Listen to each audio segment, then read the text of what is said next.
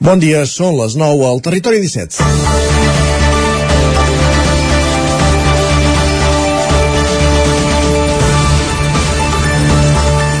Una piolada des del compte de Twitter del ramader de Sora, Carles Sorinyà, que alertava divendres d'una situació que no és nova per als criadors d'ovelles, però que volen posar de manifest. Arriba l'estiu, és moment d'esquilar les ovelles i un cop tallada la llana no saben què fer-ne. Ningú la vol i a la piolada Sorinyac l'oferia gratuïta a qui la vagi a buscar. La piolada ha fet efecte i se'n fa càrrec una fàbrica que es dedica a confeccionar mantes i accessoris per a pastors, tal com explica aquest dilluns al 9-9. Com, de, com dèiem, però, més enllà del fet puntual, la piolada pretenia fer aflorar una problemàtica. A casa de Sorinyac han vist com els anys, amb els anys la llana i la pell deixava de tenir valor. El seu producte el venen directament a carnisseries i a restaurants, sense intermediaris, però lamenta que és inviable plantejar-se de zero crear un negoci de ramaderia extensiva en el sector oví perquè el producte va perdent valor. Són productes que hem tingut sempre al nostre abast i els hem deixat perdre, segurament amb la febre de comprar roba a preus més barats. No cal buscar culpable, segurament tots i cadascun de nosaltres en tenim una petita part de responsabilitat. El mercat ens hi evoca i piolades com la de divendres ens fan obrir els ulls. Quan parlem de sostenibilitat, traçabilitat, quilòmetre zero o eliminar la petjada de carboni, allò dels ODS que tant muda, també parlem d'això. És dimarts, que sembla dilluns, però que és dimarts 7 de juny de 2022. Comença el Territori 17 a la sintonia de la veu de Sant Joan, Ràdio Cardedeu, Ona Codinenca, Ràdio Vic, el 9 FM i el 9 TV. Territori 17, amb Isaac Moreno i Jordi Sunyer.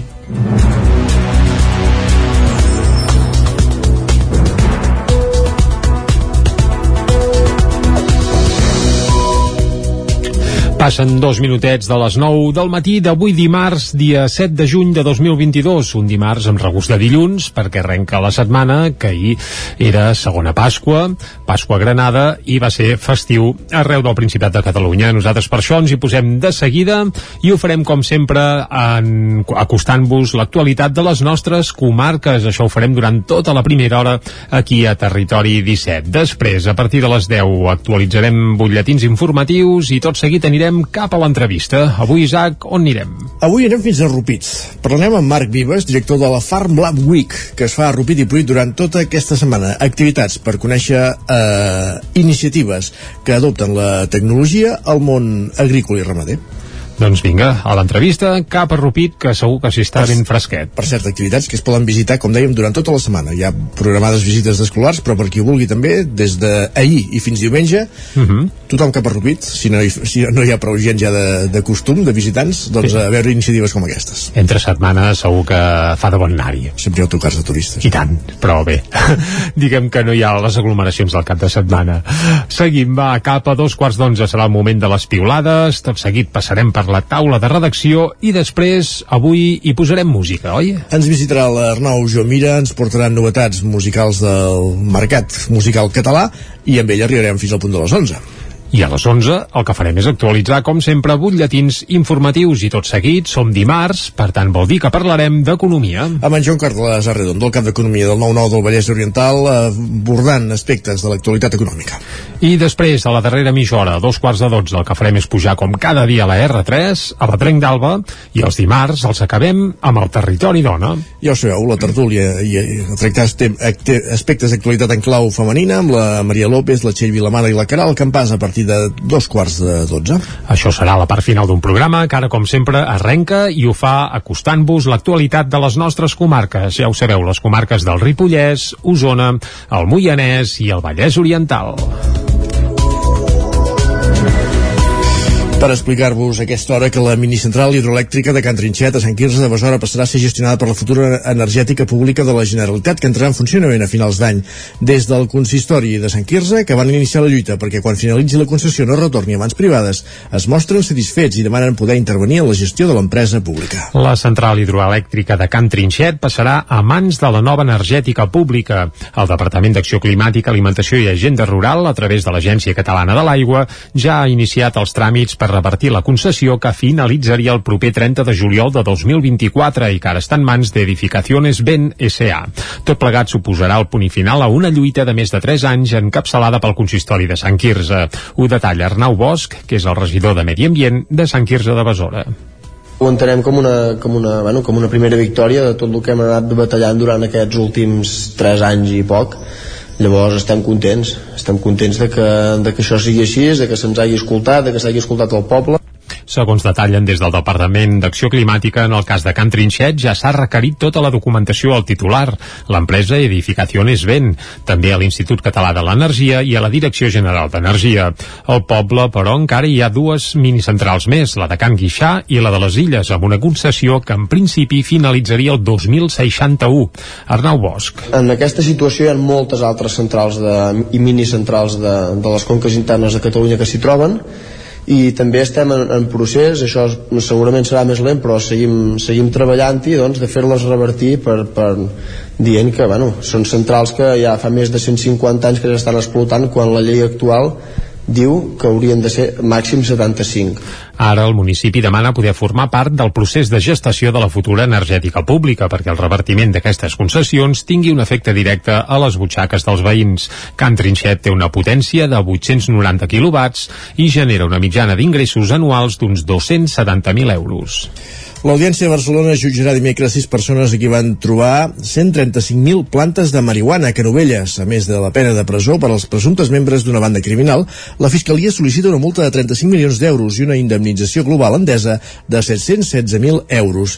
Núria Lázaro, Ràdio Televisió, Cardedeu. Els fets pels quals seran jutjats es remunten a juny de 2017, quan l'agència tributària va detenir 12 persones de diverses nacionalitats per contraban i tràfic de drogues a Canovelles i els va intervenir 135.400 plantes i 41.340 euros en metàl·lic. L'operació es va desenvolupar en quatre naus del polígon que eren utilitzades per l'Organització per al Tràfic de Drogues a gran escala i amb vinculacions a Europa. A més de cultivar la pròpia marihuana, el grup comprava petits proveïdors de la comarca. Un dels magatzems que aparentava desenvolupar una activitat de venda de jardineria era el punt on els petits proveïdors passaven a vendre les collites collites de marihuana. Va ser aquí on es van intervenir 41.340 euros per a la compra de la droga. Posteriorment, la venda era traslladada pels membres de l'organització a dues altres naus que s'utilitzaven com a magatzems segurs coneguts com la guarderia on es custodiava la droga vigilada 24 hores al dia pels mateixos integrants del grup. Posteriorment, la marihuana es venia a tercers, en alguns casos en altres països europeus com Alemanya i Portugal, que es desplaçaven a Canovelles a recollir la droga.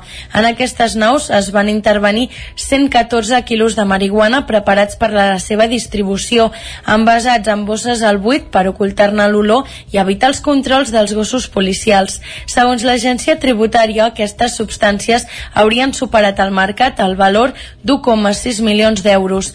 D'altra banda, en una altra de les naus hi havia un cultiu propi amb quatre plantacions en diferent nivell de creixement, amb la finalitat de poder tenir garantit el subministrament de marihuana pels seus clients.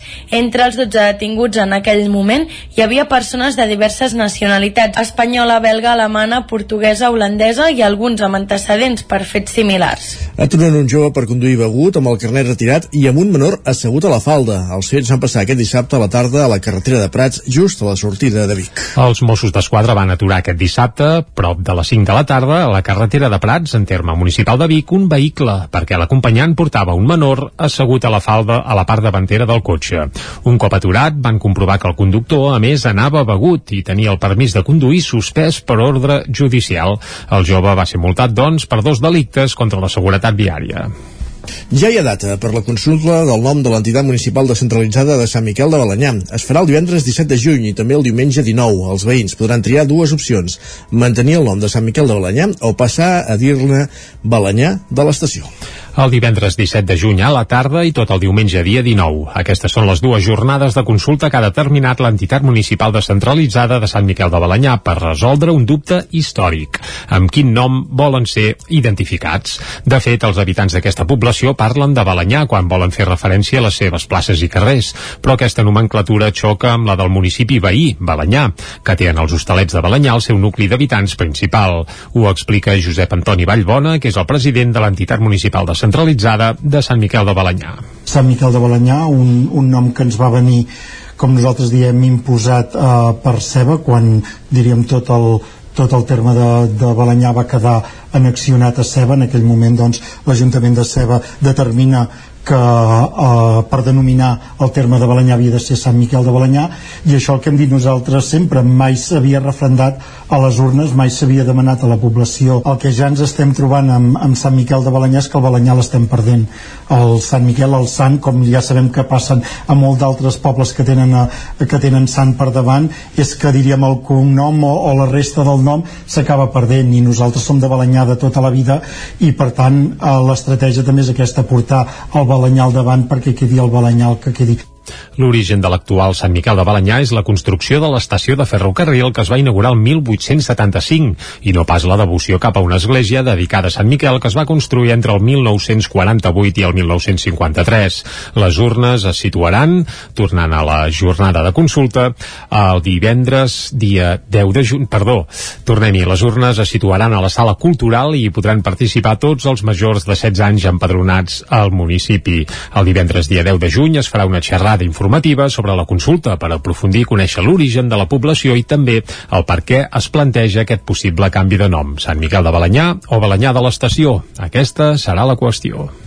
Ripoll compra un cotxe elèctric per la brigada i instal·la nous contenidors de recollida de reciclatge d'oli vegetal. Isaac Muntades, la veu de Sant Joan. L'Ajuntament de Ripoll continua fent passes per ser cada cop més sostenible. En aquest cas, el consistori farà una adquisició mitjançant renting d'un vehicle elèctric per a la brigada municipal. Això serà gràcies a l'acord marc de subministrament de maquinària tècnica i elements de transport i serveis de manteniment. En principi, tal com va dir el regidor i cap de l'àrea de serveis al territori i sostenibilitat, Joaquim Colomer, es volia comprar un vehicle com el que ja tenien a la brigada, una furgoneta del model NB200, però aquesta ja està fora de mercat. Finalment es va optar per adquirir un Gupil G4 que costarà 824 euros mensuals sense IVA i s'haurà d'habilitar una partida als pressupostos de gairebé 9.900 euros anuals fins al 2026 per mantenir-lo. El vehicle incorpora una caixa basculant, alces addicionals de reixeta, un equip de dos cofres exteriors i un tendal. Colomer estava satisfet d'aquesta incorporació. Com a curiositat, doncs, fa metro 20 d'amplada i per tant doncs, és accessible per tot el casc antic i per tant doncs, tots els carrers doncs, més estrets estrets de la vila, també dir que pot portar fins a 1,4 tonelades, per tant una proporció doncs, molt elevada per un tipus de vehicle aquest, i evidentment doncs, el, compromís doncs, de la regidoria de l'equip de govern amb que sigui un vehicle doncs, elèctric i per tant doncs, eh, sostenible i amb una disminució del CO2 a la vila de Ripoll. Per altra banda, el consistori va aprovar un conveni de col·laboració entre l'Ajuntament i l'associació Vídia per la recollida i reciclatge de l'oli vegetal usat d'origen domèstic. Aquest acord no suposa cap mena de despesa per l'Ajuntament, però sí una millora en els serveis que s'ofereixen a la vila, ja que el sistema actual comporta problemes de brutícia i petits vessaments. L'associació es farà càrrec de la instal·lació dels nous contenidors, tot i que el consistori en determinarà la ubicació. Està previst que se'n col·loquin entre 17 i 20 pels 4 que hi ha ara, que són de color vermell i estan molt deteriorats. D'aquí que molts es retiressin perquè tenien fuites. Està previst que estiguin col·locats en 15 dies o 3 setmanes.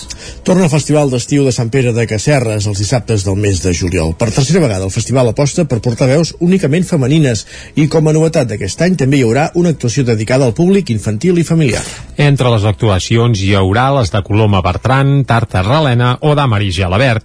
En l'acte de presentació que es va fer la setmana passada a la sala de plens del Consell Comarcal d'Osona, Núria Arau, consellera delegada de Cultura, destacava la importància de la presència femenina. L'escoltem. El que s'ha buscat és seguir potenciant les veus femenines si podien ser d'Osona millor, però també obrint-ho a la resta de veus eh, femenines de, de Catalunya per seguir eh, donant força a elles que en el món de la música eh, molts cops han, han, sigut, han tingut una veu més residual i nosaltres creiem que elles es mereixen tot el protagonisme de, del món igual que els diferents grups de música més compostos per, per homes D'altra banda, Jaume Anglada, director del Centre de Banca de Clients del BBVA de Vic, expressava la satisfacció per col·laborar en aquest tipus de projectes. La relació de BBVA, la Fundació eh, Antiga Caixa Manlleu i el Consell Comarcal d'Osona té com un dels seus objectius la preservació del monestir de Sant Pere de Caserres, alhora que la difusió del seu patrimoni. Estem contents eh, de formar part d'aquesta entesa que ajuda a fer possible aquest festival, així com d'altres projectes del territori eh, que posen el focus en una qüestió capdalt d'actualitat com és la sostenibilitat. Com a BVA estem convençuts que la cultura és un bé, un actiu eh, necessari, imprescindible, no tan sols per les societats del present, sinó i especialment per a la societat de futur. El cicle d'estiu a Sant Pere de Casserres començarà el 2 de juliol amb el Festival de Poesia Sarau Malgastat. El 9 de juliol hi actuarà la violoncel·lista usonenca Coloma Bertran. El dia 16 serà el torn de Tartarralena. El 23, el Cor Geriona amb el pianista Nito Figueres i el festival acabarà amb Dàmar i Gelabert el 30 de juliol. I el grup de Correfoc del Follet i la Fantasma de Sant Feliu de Codines recupera el bateig de foc. Ho va fer el passat 29 de maig. Ona Codinenca, Gemma Permanyer. Una activitat que té per objectiu iniciar els més petits del poble en el món del correfoc, per tal de nodrir de diables la colla infantil. La pandèmia ha impedit que els darrers dos anys el grup d'infants sumés noves incorporacions i per això, des de la colla, s'ha cregut que era un bon moment per fer-ho. Pol Puello és el president del Correfoc. Ara ens hem trobat en una situació en què la colla infantil, que ara ja tindrà uns sis anyets, doncs els primers que van començar molt motivats ja s'han fet grans i per tant ja, ja, ja formen part de la colla adulta.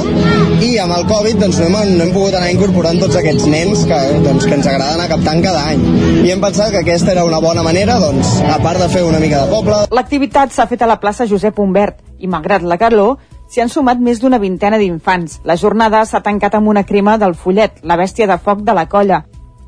Esports. I a la pàgina esportiva, després de dos anys d'aturada per la pandèmia, aquest estiu tornarà al torneig de bàsquet de Sant Julià de Vilatorta. Es farà els dies 26, 27 i 28 d'agost amb Sant Julià com a centre neuràlgic i una vintena de poblacions més d'Osona i de tres comarques més implicades també acollint partits. El torneig, que és el més gran de pretemporada de bàsquet que es fa a Europa, inclourà també bàsquet de base i bàsquet d'elit i eh, també acostumava a ser punt de parada obligatòria per la majoria d'equips catalans de l'ACB. A més, també hi haurà partits amb jugadors amb diversitat funcional, accions socials com una recollida solidària d'aliments i també diverses activitats complementàries de caire cultural i festiu.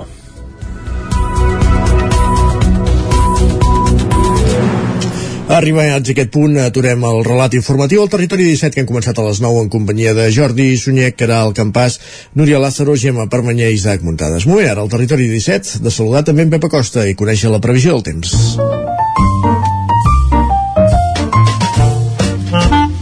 Casa Terradellos us ofereix el temps. Doncs va, saludem en Pep Acosta, que ens farà un balanç d'aquest cap de setmana plàcid i ens explicarà el temps que també ens espera per les properes hores. Pep, salut i bon dia. Hola, molt bon dia. Què tal esteu? Torna a l'espai del temps després d'un de, cap de setmana llarg, aquest començament típic, atípic de, de setmana, que comença la setmana laboral en dimarts. Tornem a estar aquí amb tots vosaltres i ho fem després d'un cap de setmana meteorològicament parlant eh, molt pla eh, gairebé de ple de ple estiu. Eh, ja fa dies que, que estem instal·lats en aquest eh, ple estiu.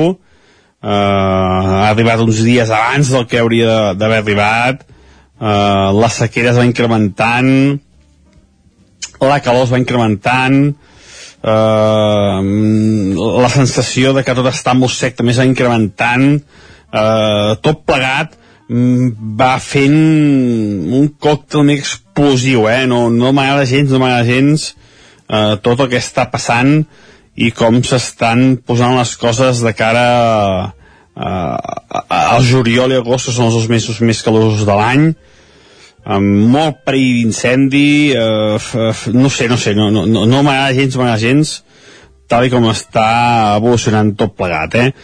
i és que a més no, no, no hi ha indicis de canvi no? és que no, no aquest estiu eh, avançat segueix i no, no sembla que es tingui de, de, de, de parar com deia el cap de setmana ha estat molt tranquil Uh, mínimes entre els 15 i els 20 graus, les màximes la majoria entre els 25 i els 30.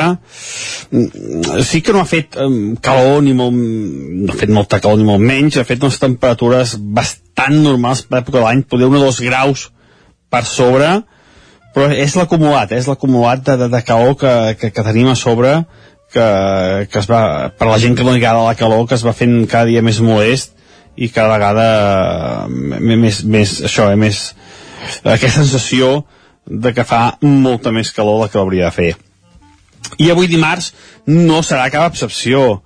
Uh, comencem amb temperatures força altes, una nit molt tranquil·la, una nit uh, sense gaires núvols, i avui no tenen gaires núvols durant tot el matí, les temperatures aniran pujant i les hores centrals del dia, les màximes voltant una altra vegada entre els 26 i els 30 graus la majoria de les temperatures. A la tarda, queixaran més nuvolades i poden deixar una petita empesta al Pirineu. Uh, poden, no és segur que ho deixin, però seran tempestes uh, poc importants, com afectant a Ripollès i el nord d'Osona. Quantitats de precipitació molt modestes, jo crec que entre els 0 i els 10 litres a tot estirar. Una mica remuntant als cims més alts del Pirineu, poca cosa, a la resta de les poblacions de les comarques, els vents molt febles de direcció variable. I això és tot, a disfrutar el dia d'avui eh, i molt de compte amb aquesta sequera que es va incrementant, molt de compte amb aquestes temperatures que van pujant, que pot haver un programa eh, molt, molt, molt negatiu els pròxims dies a, a Catalunya pel que fa al perill d'incendis. Moltes gràcies, adeu. Doncs vinga, haurem d'anar alerta. Exacte. Sí, sí, i sobretot amb risc d'incendis, perquè si hi ha calorades ja sabem que, bé, de, de producte per combustionar n'hi ha, El- ha molt al territori 17. Anem cap al quiosc? Va. Anem cap al quiosc. Casa Tarradellas us ha ofert aquest espai.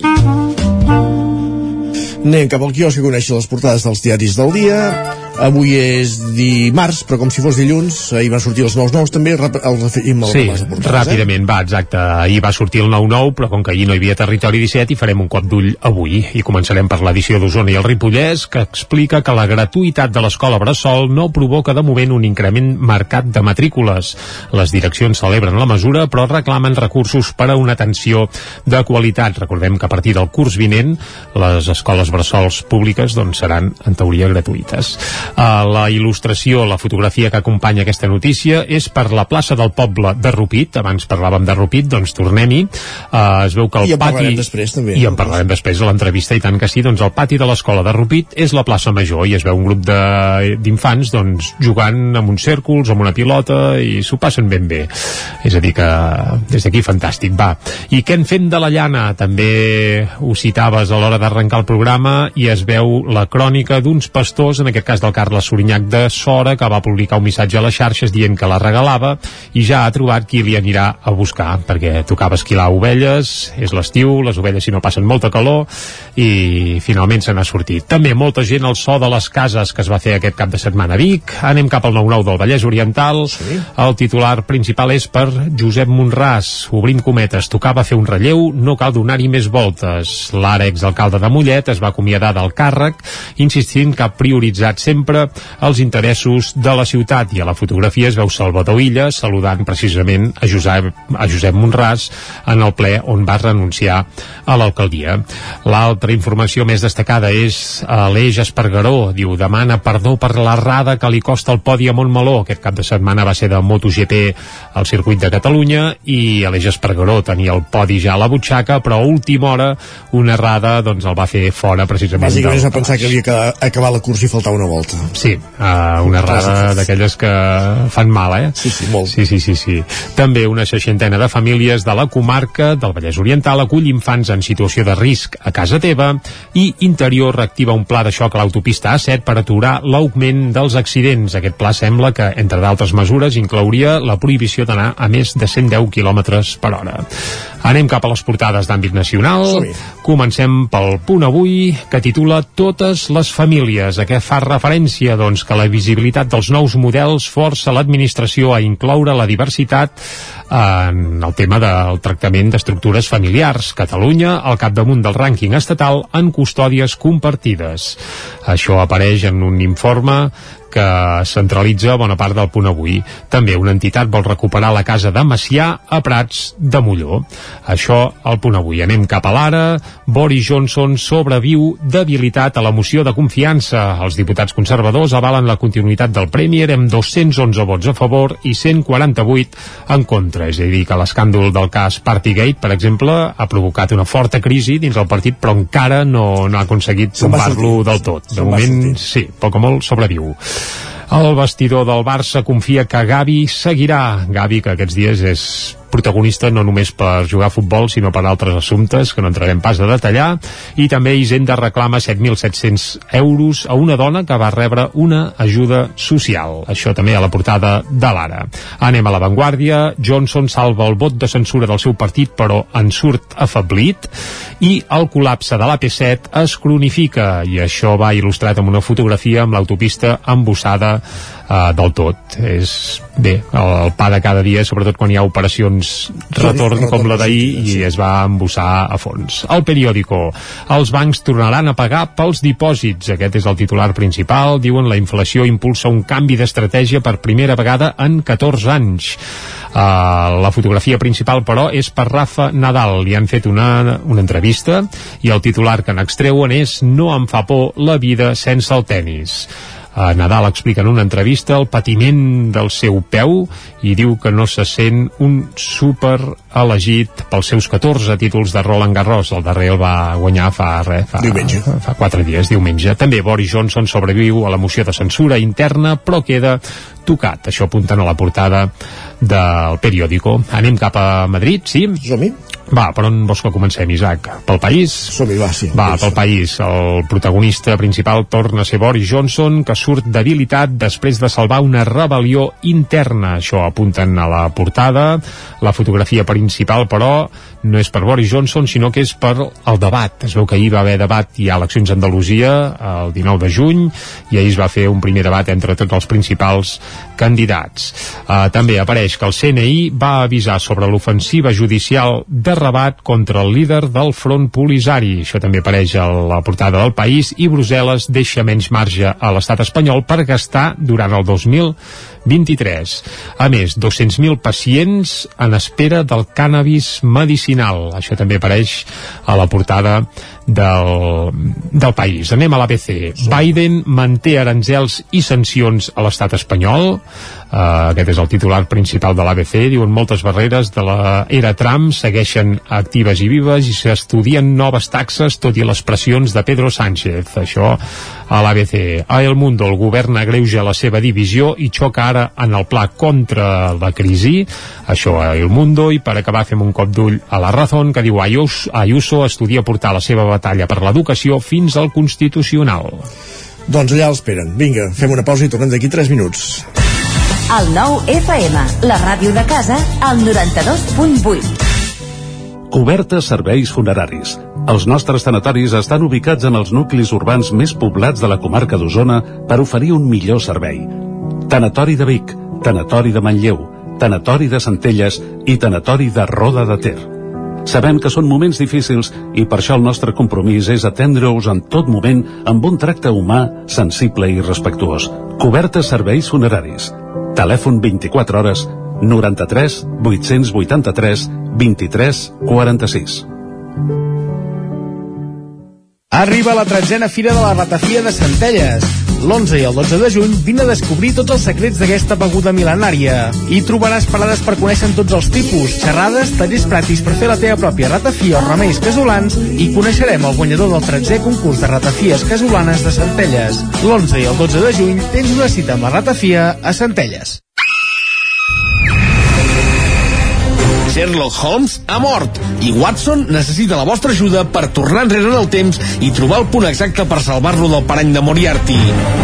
Posa't en la pell del detectiu britànic i resol tots els enigmes en menys de 60 minuts per poder escapar.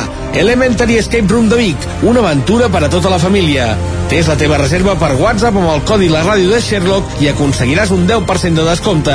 Ens trobaràs de dijous a diumenge al carrer de la Fusina 22 de Vic per telèfon i WhatsApp al 622 85 54 17 o elementary.cat.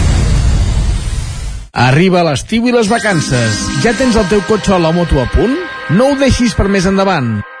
Autotaller Callatenes, taller de reparació mecànica, diagnosi, xapa, electricitat i pneumàtics. Carrer Verge de la Mercè 17 de Callatenes, 93 868 99 16 o 682 53 91 21.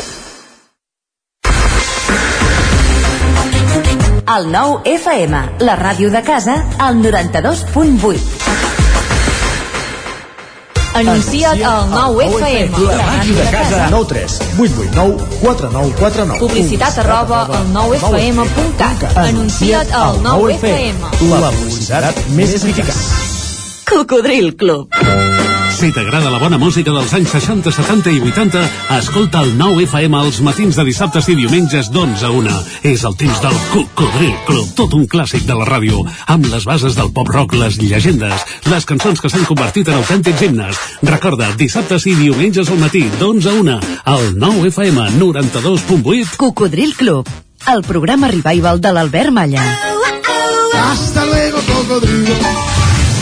El 9 FM, el 9 FM, el 9 FM, el 9 FM. En punt dos quarts de deu al territori 17. Territori 17, amb Isaac Moreno i Jordi Sunyer.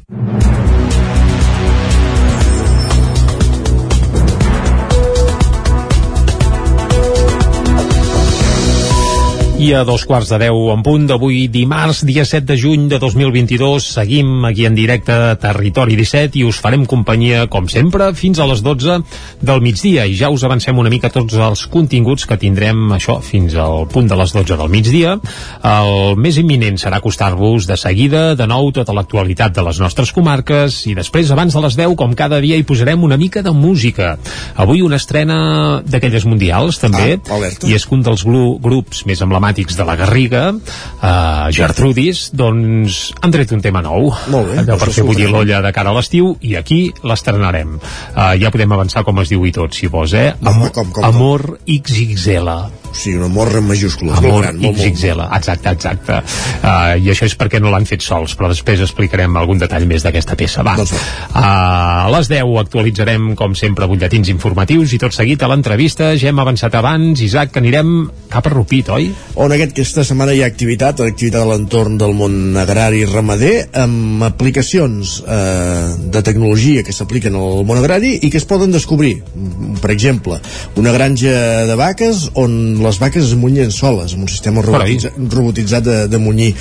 Un, un hort que també es controla des d'un mòbil, o fins i tot un, un espai on hi haurà cabirols amb xips eh, Oh. i els xips el que fan? Doncs que quan detecten que s'acosten massa a un camp de cultiu per evitar que el destrossin o que s'acosten a una carretera per evitar que els atropellin doncs s'activa un sensor, sensor lluminós o sonor per evitar que l'animal doncs, no, no s'hi acosti. En fi, coses d'aquestes que podem veure aquesta setmana a Rupit i en parlarem amb el director d'aquesta iniciativa que és en Marc Vives, la iniciativa és la Farm Lab Week Rupit Pruit que se celebra aquesta setmana com dèiem Ostres, això dels cabirols, eh, però clar, primer els hi has de posar el xip, també. Esclar, sí, sí, és el que té un animal salvatge, Sí, sí, sí, sí, sí. Ostres, ostres, curiós. Doncs va, aquests detalls a l'entrevista d'avui. Més coses, a dos quarts d'onze serà el moment de les piulades, tot seguit passarem per la taula de redacció i després ens farà una visita l'Arnau Jaumira, oi? Exacte, avui ens acostarà unes quantes novetats musicals de l'entorn musical català eh, just abans de les 11 Molt bé, a les 11 el que farem és actualitzar de nou butlletins informatius i tot seguit, com cada dimarts, ens tocarà parlar d'economia. amb en Joan Carles Arredondo, el cap d'Economia del 9-9 del Vallès Oriental, amb qui repassarem aspectes econòmics lligats a l'actualitat. I a dos quarts de dotze serà el moment de pujar la R3, com cada dia, a la Trenc d'Alba, i avui que és dimarts ho acabarem amb el territori dona. Amb la Maria López, la Txell Vilamana, la Caral Campàs, tractant qüestions a la tertúlia en clau femenina, qüestions també d'actualitat, com dèiem. I ara el que ens toca, ja ho sabeu, és acostar-vos de nou l'actualitat de casa nostra, de casa vostra, l'actualitat de les comarques del Ripollès, Osona, el Moianès i el Vallès Oriental. Per explicar-vos aquesta hora que la minicentral hidroelèctrica de Can Trinxet a Sant Quirze de Besora passarà a ser gestionada per la futura energètica pública de la Generalitat que entrarà en funcionament a finals d'any. Des del consistori de Sant Quirze, que van iniciar la lluita perquè quan finalitzi la concessió no retorni a mans privades, es mostren satisfets i demanen poder intervenir en la gestió de l'empresa pública. La central hidroelèctrica de Can Trinxet passarà a mans de la nova energètica pública. El Departament d'Acció Climàtica, Alimentació i Agenda Rural, a través de l'Agència Catalana de l'Aigua, ja ha iniciat els tràmits per repartir la concessió que finalitzaria el proper 30 de juliol de 2024 i que ara està en mans d'Edificaciones Ben S.A. Tot plegat suposarà el punt final a una lluita de més de 3 anys encapçalada pel consistori de Sant Quirze. Ho detalla Arnau Bosch, que és el regidor de Medi Ambient de Sant Quirze de Besora. Ho entenem com una, com, una, bueno, com una primera victòria de tot el que hem anat batallant durant aquests últims 3 anys i poc. Llavors estem contents. Estem contents de que, de que això sigui així de que se'ns hagi escoltat, de que s'hagi escoltat el poble Segons detallen des del Departament d'Acció Climàtica, en el cas de Can Trinxet ja s'ha requerit tota la documentació al titular, l'empresa Edificaciones Ben, també a l'Institut Català de l'Energia i a la Direcció General d'Energia. Al poble, però, encara hi ha dues minicentrals més, la de Can Guixà i la de les Illes, amb una concessió que en principi finalitzaria el 2061. Arnau Bosch. En aquesta situació hi ha moltes altres centrals de, i minicentrals de, de les conques internes de Catalunya que s'hi troben i també estem en, en procés, això segurament serà més lent, però seguim, seguim treballant-hi doncs, de fer-les revertir per, per dient que bueno, són centrals que ja fa més de 150 anys que s'estan explotant quan la llei actual diu que haurien de ser màxim 75. Ara el municipi demana poder formar part del procés de gestació de la futura energètica pública perquè el revertiment d'aquestes concessions tingui un efecte directe a les butxaques dels veïns. Can Trinxet té una potència de 890 quilowatts i genera una mitjana d'ingressos anuals d'uns 270.000 euros. L'Audiència de Barcelona jutjarà dimecres sis persones a qui van trobar 135.000 plantes de marihuana a Canovelles, a més de la pena de presó per als presumptes membres d'una banda criminal la Fiscalia sol·licita una multa de 35 milions d'euros i una indemnització global endesa de 716.000 euros. Núria Lázaro, Ràdio Televisió, Cardedeu. Els fets pels quals seran jutjats es remunten a juny de 2017, quan l'agència tributària va detenir 12 persones de diverses nacionalitats per contraban i tràfic de drogues a Canovelles i els va intervenir 135.400 plantes i 41.340 euros en metàl·lic. L'operació es va desenvolupar en quatre naus del polígon que eren utilitzades per l'Organització per al Tràfic de Drogues a gran escala i amb vinculacions a Europa. A més de cultivar la pròpia marihuana, el grup comprava petits proveïdors de la comarca. Un dels magatzems que aparentava desenvolupar una activitat de venda de jardineria era el punt on els petits proveïdors passaven a vendre les collites de marihuana. Va ser aquí on es van intervenir 41.340 euros per a la compra de la droga. Posteriorment, la venda era traslladada pels membres de l'organització a dues altres naus que s'utilitzaven com a magatzems segurs coneguts com la guarderia on es custodiava la droga vigilada 24 hores al dia pels mateixos integrants del grup. Posteriorment, la marihuana es venia a tercers, en alguns casos en altres països europeus com Alemanya i Portugal, que es desplaçaven a Canovelles a recollir la droga.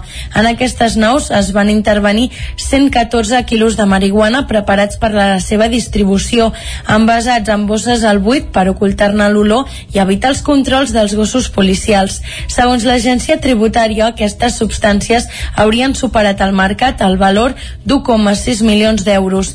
D'altra banda, en una altra de les naus hi havia un cultiu propi amb quatre plantacions en diferent nivell de creixement, amb la finalitat de poder tenir garantit el subministrament de marihuana pels seus clients. Entre els 12 detinguts en aquell moment hi havia persones de diverses nacionalitats, espanyola, belga, alemana, portuguesa, holandesa i alguns amb antecedents per fets similars. Aturen un jove per conduir begut amb el carnet retirat i amb un menor assegut a la falda. Els fets van passar aquest dissabte a la tarda a la carretera de Prats, just a la sortida de Vic. Els Mossos d'Esquadra van aturar aquest dissabte, prop de les 5 de la tarda, a la carretera de Prats, en terme municipal de Vic, un vehicle, perquè l'acompanyant portava un menor assegut a la falda a la part davantera del cotxe. Un cop aturat, van comprovar que el conductor, a més, anava begut i tenia el permís de conduir suspès per ordre judicial. El jove va ser multat, doncs, per dos delictes contra la seguretat viària. Ja hi ha data per la consulta del nom de l'entitat municipal descentralitzada de Sant Miquel de Balanyà. Es farà el divendres 17 de juny i també el diumenge 19. Els veïns podran triar dues opcions, mantenir el nom de Sant Miquel de Balanyà o passar a dir-ne Balanyà de l'estació. El divendres 17 de juny a la tarda i tot el diumenge dia 19. Aquestes són les dues jornades de consulta que ha determinat l'entitat municipal descentralitzada de Sant Miquel de Balanyà per resoldre un dubte històric. Amb quin nom volen ser identificats? De fet, els habitants d'aquesta població parlen de Balanyà quan volen fer referència a les seves places i carrers, però aquesta nomenclatura xoca amb la del municipi veí, Balanyà, que té en els hostalets de Balanyà el seu nucli d'habitants principal. Ho explica Josep Antoni Vallbona, que és el president de l'entitat municipal descentralitzada de Sant Miquel de Balanyà. Sant Miquel de Balanyà, un, un nom que ens va venir com nosaltres diem imposat eh, per ceba quan diríem tot el, tot el terme de, de Balanyà va quedar anexionat a Ceba, en aquell moment doncs, l'Ajuntament de Ceba determina que eh, per denominar el terme de Balanyà havia de ser Sant Miquel de Balanyà i això el que hem dit nosaltres sempre mai s'havia refrendat a les urnes mai s'havia demanat a la població. El que ja ens estem trobant amb, amb Sant Miquel de Balanyà és que el Balanyà l'estem perdent. El Sant Miquel, el Sant, com ja sabem que passen a molt d'altres pobles que tenen, a, eh, que tenen Sant per davant és que diríem el cognom o, o la resta del nom s'acaba perdent i nosaltres som de Balanyà de tota la vida i per tant eh, l'estratègia també és aquesta portar el Balanyà al davant perquè quedi el Balanyà el que quedi L'origen de l'actual Sant Miquel de Balanyà és la construcció de l'estació de ferrocarril que es va inaugurar el 1875 i no pas la devoció cap a una església dedicada a Sant Miquel que es va construir entre el 1948 i el 1953. Les urnes es situaran, tornant a la jornada de consulta, el divendres dia 10 de juny, perdó, tornem-hi, les urnes es situaran a la sala cultural i hi podran participar tots els majors de 16 anys empadronats al municipi. El divendres dia 10 de juny es farà una xerrada informativa sobre la consulta per aprofundir i conèixer l'origen de la població i també el per què es planteja aquest possible canvi de nom, Sant Miquel de Balanyà o Balanyà de l'Estació. Aquesta serà la qüestió. Ripoll compra un cotxe elèctric per la brigada i instal·la nous contenidors de recollida de reciclatge d'oli vegetal. Isaac Muntades, la veu de Sant Joan. L'Ajuntament de Ripoll continua fent passes per ser cada cop més sostenible. En aquest cas, el consistori farà una adquisició mitjançant renting d'un vehicle elèctric per a la brigada municipal. Això serà gràcies a l'acord marc de subministrament de maquinària tècnica i elements de transport i serveis de manteniment. En principi, tal com va dir el regidor i cap de l'àrea de serveis al territori i sostenibilitat, Joaquim Colomer, es volia comprar un vehicle com el que ja tenien a la brigada, una furgoneta del model NB200, però aquesta ja està fora de mercat. Finalment es va optar per adquirir un Gupil G4 que costarà 824 euros mensuals sense IVA i s'haurà d'habilitar una partida als pressupostos de gairebé 9.900 euros anuals fins al 2026 per mantenir-lo. El vehicle incorpora una caixa basculant, alces addicionals de reixeta, un equip de dos cofres exteriors i un tendal. Colomer estava satisfet d'aquesta incorporació. Com a curiositat, doncs, fa metro 20 d'amplada i per tant doncs, és accessible per tot el casc antic i per tant doncs, tots els carrers doncs, més estrets de la vila. També dir que pot portar fins a 1,4 tonelades, per tant una proporció doncs, molt elevada per un tipus de vehicle aquest i evidentment doncs, el compromís doncs, de la regidoria de l'equip de govern amb que sigui un vehicle doncs, elèctric i per tant doncs, eh, sostenible i amb una disminució del CO2 a la vila de Ripoll. Per altra banda, el consistori va aprovar un conveni de col·laboració entre l'Ajuntament i l'associació Vídia per la recollida i reciclatge de l'oli vegetal usat d'origen domèstic. Aquest acord no suposa cap mena de despesa per l'Ajuntament, però sí una millora en els serveis que s'ofereixen a la vila, ja que el sistema actual comporta problemes de brutícia i petits vessaments. L'associació es farà càrrec de la instal·lació dels nous contenidors, tot i que el consistori en determinarà la ubicació. Està previst que se'n col·loquin entre 17 i 20 pels quatre que hi ha ara, que són de color vermell i estan molt deteriorats. D'aquí que molts es retiressin perquè tenien fuites. Està previst que estiguin col·locats en 15 dies o 3 setmanes. Torna el Festival d'Estiu de Sant Pere de Casserres els dissabtes del mes de juliol. Per tercera vegada el festival aposta per portar veus únicament femenines i com a novetat d'aquest any també hi haurà una actuació dedicada al públic infantil i familiar. Entre les actuacions hi haurà les de Coloma Bertran, Tarta Relena o d'Amari Gelabert. En l'acte de presentació que es va fer la setmana passada a la sala de plens del Consell Comarcal d'Osona, Núria Arau, consellera delegada de Cultura, destacava la importància de la presència femenina. L'escoltem. El que s'ha buscat és seguir potenciant les veus femenines si podien ser d'Osona millor però també obrint-ho a la resta de veus eh, femenines de, de Catalunya per seguir eh, donant força a elles que en el món de la música eh, molts cops han, han, sigut, han tingut una veu més residual i nosaltres creiem que elles es mereixen tot el protagonisme de, del món igual que els diferents grups de música més compostos per, per homes D'altra banda, Jaume Anglada, director del Centre de Banca de Clients del BBVA de Vic, expressava la satisfacció per col·laborar en aquest tipus de projectes. La relació de BBVA, la Fundació Antiga Caixa Manlleu i el Consell Comarcal d'Osona té com un dels seus objectius la preservació del monestir de Sant Pere de Caserres, alhora que la difusió del seu patrimoni. Estem contents eh, de formar part d'aquesta entesa que ajuda a fer possible aquest festival així com d'altres projectes del territori eh, que posen el focus en una qüestió capdalt d'actualitat com és la sostenibilitat. Com a BVA estem convençuts que la cultura és un bé, un actiu eh, necessari, imprescindible, no tan sols per les societats del present, sinó i especialment per a les societats de futur. El cicle d'estiu a Sant Pere de Casserres començarà el 2 de juliol amb el Festival de Poesia Sarau Malgastat. El 9 de juliol hi actuarà la violoncel·lista usonenca Coloma Bertran. El dia 16 serà el torn de Tarta Relena. El 23, el Cor Jariona amb el pianista Nito Figueres i el festival acabarà amb Dàmar i Gelabert el 30 de juliol. I el grup de Correfoc del Follet i la Fantasma de Sant Feliu de Codines recupera el bateig de foc. Ho va fer el passat 29 de maig. Ona Codinenca, Gemma Permanyer. Una activitat que té per objectiu iniciar els més petits del poble en el món del correfoc, per tal de nodrir de diables la colla infantil. La pandèmia ha impedit que els darrers dos anys el grup d'infants sumés noves incorporacions i per això, des de la colla, s'ha cregut que era un bon moment per fer-ho. Pol Puello és el president del Correfoc. Ara ens hem trobat en una situació en què la colla infantil, que ara ja tindrà uns sis anyets, doncs els primers que van començar molt motivats ja s'han fet grans i per tant ja, ja, ja formen part de la colla adulta. I amb el Covid doncs no hem, no hem pogut anar incorporant tots aquests nens que, doncs, que ens agrada anar captant cada any. I hem pensat que aquesta era una bona manera doncs, a part de fer una mica de poble. L'activitat s'ha fet a la plaça Josep Humbert i malgrat la calor s'hi han sumat més d'una vintena d'infants. La jornada s'ha tancat amb una crema del Follet, la bèstia de foc de la colla. Esports. I a la pàgina esportiva, després de dos anys d'aturada per la pandèmia, aquest estiu tornarà el torneig de bàsquet de Sant Julià de Vilatorta. Es farà els dies 26, 27 i 28 d'agost amb Sant Julià com a centre neuràlgic i una vintena de poblacions més d'Osona i de tres comarques més implicades també acollint partits. El torneig, que és el més gran de pretemporada de bàsquet que es fa a Europa, inclourà també bàsquet de base i bàsquet d'elit i eh, també acostumava a ser punt de parada obligatòria per la majoria d'equips catalans de l'ACB. A més, també hi haurà partits amb jugadors amb diversitat funcional, accions socials com una recollida solidària d'aliments i també diverses activitats complementàries de caire cultural i festiu.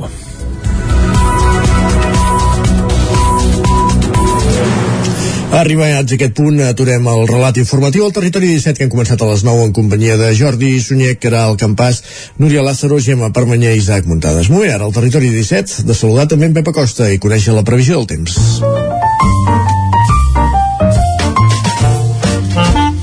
Casa Terradellos us ofereix el temps. Doncs va, saludem en Pep Acosta que ens farà un balanç d'aquest cap de setmana plàcid i ens explicarà el temps que també ens espera per les properes hores. Pep, salut i bon dia.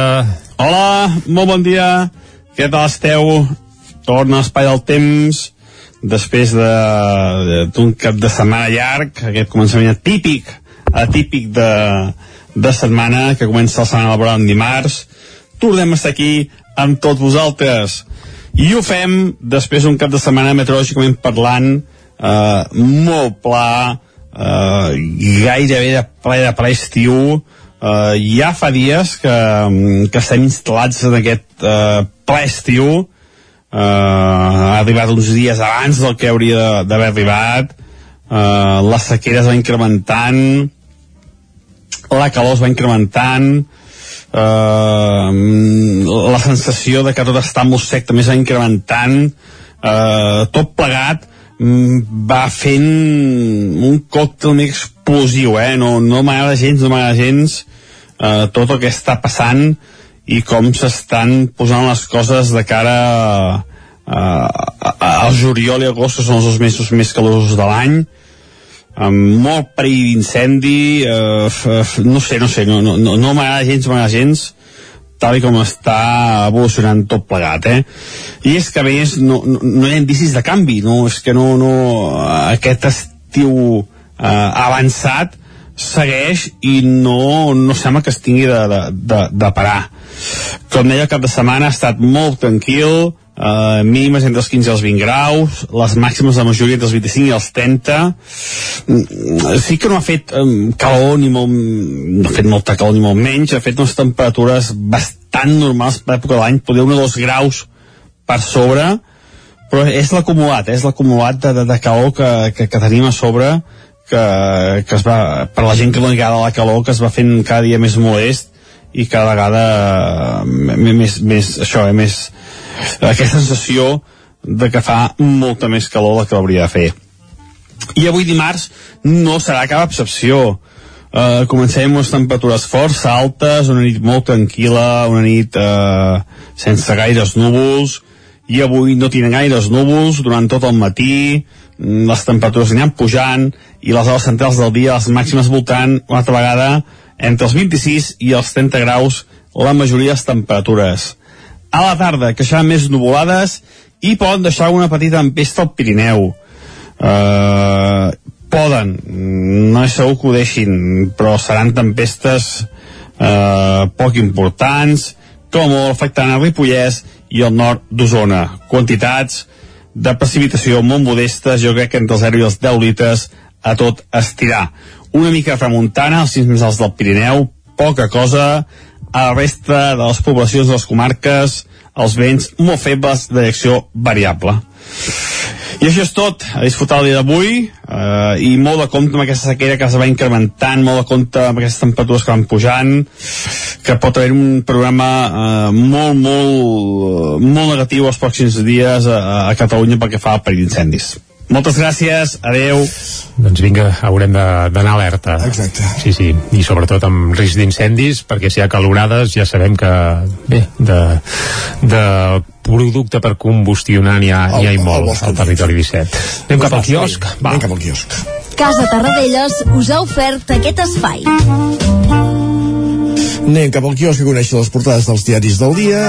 Avui és dimarts, però com si fos dilluns, ahir va sortir els nous nous també, el referim al Sí, les portades, ràpidament, va, exacte. Ahir va sortir el 9-9, però com que ahir no hi havia territori 17, hi farem un cop d'ull avui. I començarem per l'edició d'Osona i el Ripollès, que explica que la gratuïtat de l'escola Bressol no provoca de moment un increment marcat de matrícules. Les direccions celebren la mesura, però reclamen recursos per a una atenció de qualitat. Recordem que a partir del curs vinent, les escoles bressols públiques doncs, seran, en teoria, gratuïtes. Uh, la il·lustració, la fotografia que acompanya aquesta notícia és per la plaça del poble de Rupit, abans parlàvem de Rupit, doncs tornem-hi. Uh, es veu que el I en pati... després, també. I en parlarem després a l'entrevista, i tant que sí, doncs el pati de l'escola de Rupit és la plaça Major i es veu un grup de- d'infants doncs, jugant amb uns cèrcols, amb una pilota i s'ho passen ben bé. És a dir que des d'aquí fantàstic, va. I què en fem de la llana? També ho citaves a l'hora d'arrencar el programa i es veu la crònica d'uns pastors, en aquest cas del Carles Sorinyac de Sora, que va publicar un missatge a les xarxes dient que la regalava i ja ha trobat qui li anirà a buscar, perquè tocava esquilar ovelles, és l'estiu, les ovelles si no passen molta calor, i finalment se n'ha sortit. També molta gent al so de les cases que es va fer aquest cap de setmana a Vic, anem cap al 9-9 del Vallès Oriental, sí. el titular principal és per Josep Monràs, obrim cometes, tocava fer un relleu, no cal donar-hi més voltes. L'ara exalcalde de Mollet es va acomiadar del càrrec, insistint que ha prioritzat sempre els interessos de la ciutat i a la fotografia es veu Salvador Illa saludant precisament a Josep, a Josep Monràs en el ple on va renunciar a l'alcaldia. L'altra informació més destacada és a l'Eix Espargaró, diu demana perdó per l'errada que li costa el podi a Montmeló. Aquest cap de setmana va ser de MotoGP al circuit de Catalunya i a l'Eix Espargaró tenia el podi ja a la butxaca, però a última hora una errada doncs el va fer fora precisament Bàsicament del va pensar que havia que acabar la cursa i faltava una volta. Sí, uh, una errada d'aquelles que fan mal, eh? Sí, sí, molt. Sí, sí, sí, sí. També una seixantena de famílies de la comarca del Vallès Oriental acull infants en situació de risc a casa teva i Interior reactiva un pla de xoc a l'autopista A7 per aturar l'augment dels accidents. Aquest pla sembla que, entre d'altres mesures, inclouria la prohibició d'anar a més de 110 km per hora. Anem cap a les portades d'àmbit nacional. Comencem pel punt avui, que titula Totes les famílies. A què fa referència? Doncs que la visibilitat dels nous models força l'administració a incloure la diversitat en el tema del tractament d'estructures familiars. Catalunya, al capdamunt del rànquing estatal en custòdies compartides. Això apareix en un informe que centralitza bona part del punt avui. També una entitat vol recuperar la casa de Macià a Prats de Molló. Això al punt avui. Anem cap a l'ara. Boris Johnson sobreviu debilitat a la moció de confiança. Els diputats conservadors avalen la continuïtat del Premier amb 211 vots a favor i 148 en contra. És a dir, que l'escàndol del cas Partygate, per exemple, ha provocat una forta crisi dins el partit, però encara no, no ha aconseguit tombar-lo del tot. De moment, sí, poc o molt sobreviu. El vestidor del Barça confia que Gavi seguirà. Gavi, que aquests dies és protagonista no només per jugar a futbol, sinó per altres assumptes que no entrarem pas a detallar, i també Hisenda reclama 7.700 euros a una dona que va rebre una ajuda social. Això també a la portada de l'Ara. Anem a l'avantguàrdia. Johnson salva el vot de censura del seu partit, però en surt afablit, i el col·lapse de l'AP7 es cronifica, i això va il·lustrat amb una fotografia amb l'autopista embossada eh, del tot. És, bé, el, el pa de cada dia, sobretot quan hi ha operacions retorn com la d'ahir i es va embossar a fons. El periòdico. Els bancs tornaran a pagar pels dipòsits. Aquest és el titular principal. Diuen la inflació impulsa un canvi d'estratègia per primera vegada en 14 anys. Uh, la fotografia principal, però, és per Rafa Nadal. Li han fet una, una entrevista i el titular que n'extreuen és No em fa por la vida sense el tennis. Uh, Nadal explica en una entrevista el patiment del seu peu i diu que no se sent un super elegit pels seus 14 títols de Roland Garros. El darrer el va guanyar fa, re, fa, diumenge. fa 4 dies, diumenge. També Boris Johnson sobreviu a la moció de censura interna, però queda tocat. Això apunten a la portada del periòdico. Anem cap a Madrid, sí? Som-hi. Va, per on vols que comencem, Isaac? Pel país? Som-hi, va, sí. Va, pel país. El protagonista principal torna a ser Boris Johnson, que surt debilitat després de salvar una rebel·lió interna. Això apunten a la portada. La fotografia principal, però, no és per Boris Johnson, sinó que és per el debat. Es veu que ahir va haver debat, ha eleccions a Andalusia, el 19 de juny, i ahir es va fer un primer debat entre tots els principals candidats. Uh, també apareix que el CNI va avisar sobre l'ofensiva judicial de Rabat contra el líder del front polisari. Això també apareix a la portada del país i Brussel·les deixa menys marge a l'estat espanyol per gastar durant el 2023. A més, 200.000 pacients en espera del cànnabis medicinal. Això també apareix a la portada del, del país. Anem a l'ABC. Sí. Biden manté aranzels i sancions a l'estat espanyol. Uh, aquest és el titular principal de l'ABC. Diuen moltes barreres de la era Trump segueixen actives i vives i s'estudien noves taxes tot i les pressions de Pedro Sánchez. Això a l'ABC. A El Mundo, el govern agreuja la seva divisió i xoca ara en el pla contra la crisi. Això a El Mundo. I per acabar fem un cop d'ull a la Razón que diu Ayuso, Ayuso estudia portar la seva batalla per l'educació fins al Constitucional. Batalla per l'educació, educació en llibertades, mm -hmm. no, suposo? Home, evidentment, sempre, sempre, això que no, que no falti. Uh, anem a temes musicals? Sí, va, sempre sí, sí, sí, sí, i tant, i tant, i tant. Va, deixem el tema portades, capbussem-nos a parlar de música i avui ho farem, ja ho hem avançat abans, parlant del grup potser més representatiu de la Garriga bé, anava a dir de la Garriga en teoria eren de la Garriga, ara estan una mica escampats arreu de, del territori català però bé, podem dir que són de la Garriga, de la Garriga són els Gertrudis que des que van tornar aquesta gent no han parat clar, recordem que van plegar veles és que la vida de Gertrudis és curiosa eh? perquè va començar com un grup de rumba sí. eh, recollint una mica l'herència dels Deus Minguet, un altre clàssic de, de la Garriga i ells eren potser una mica més rumberos però quan van tornar es van convertir en un grup de pop amb reminiscències de música urbana i una mica d'electrònica, però vaja, també mantenint una mica l'esperit aquest festiu i desenfadat que els havia caracteritzat des de sempre. I aquest any no treuen disc nou, però per esmolar les eines de cara a l'estiu sí que han publicat una cançó, un single que es diu Amor XXL, que ja estem escoltant de fons, i no l'han fet sols. En aquesta peça els Gertrudis s'acompanyen de la Bones Twice. Qui és Bones Twice? És una d'aquestes veus eh, noves de l'escena urbana també catalana i juntets doncs han gravat aquest tema, Amor XXL i si et sembla, Isaac, l'escoltarem fins al punt de les 10. Som-hi. Som-hi. avui amb l'amor de la resta L'amor d'avui i demà la conquesta Que pensa tu ja no em suma sort resta I don't give a fuck, I don't give a fuck Tot el que al passat I feel I'm lazy, don't wanna look back Hi ha tants amors com maneres de viure. Potser el més distret deu ser l'amor lliure. L'amor de pel·lícules dels més esperats. Però algú t'ha de dir que mai arribarà. Tinc un concepte de lo que s'escau. Sentir-te lliure fora o dins el cau. Que si som un res no podrà parar. Que si ens unim sempre serà un regal. I don't give a fuck, I don't give a fuck. Mira'm ulls i la vibra com cal. Ara que ho tens només has de volar no dura massa, però et fa sentir bé. I a ti, mi amor, passen els anys i pesen el record. L'amor d'estiu no dura massa, però et fa sentir bé.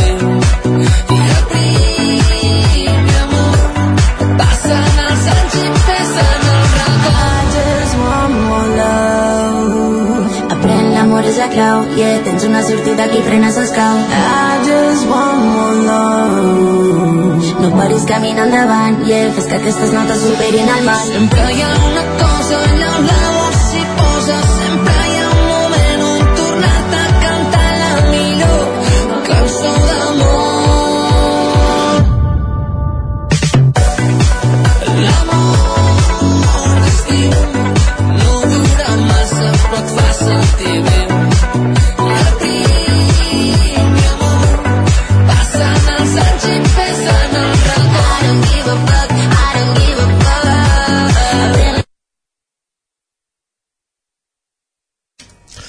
Doncs estàvem escoltant aquesta cançó de Gertrudis, aquesta que preparant per aquest estiu, en companyia de qui era, Jordi? Doncs Bones Twice, eh, aquesta peça, Amor XXL, que segurament serà una de les grans cançons de l'estiu, i a més els Gertrudis, que aquest estiu tornen amb concerts, i recordem-ho, finalment aquest estiu amb festes majors, sense limitacions, sense mascaretes, sense, sense res. Per tant, escolta, alegria, i segur que aquest Amor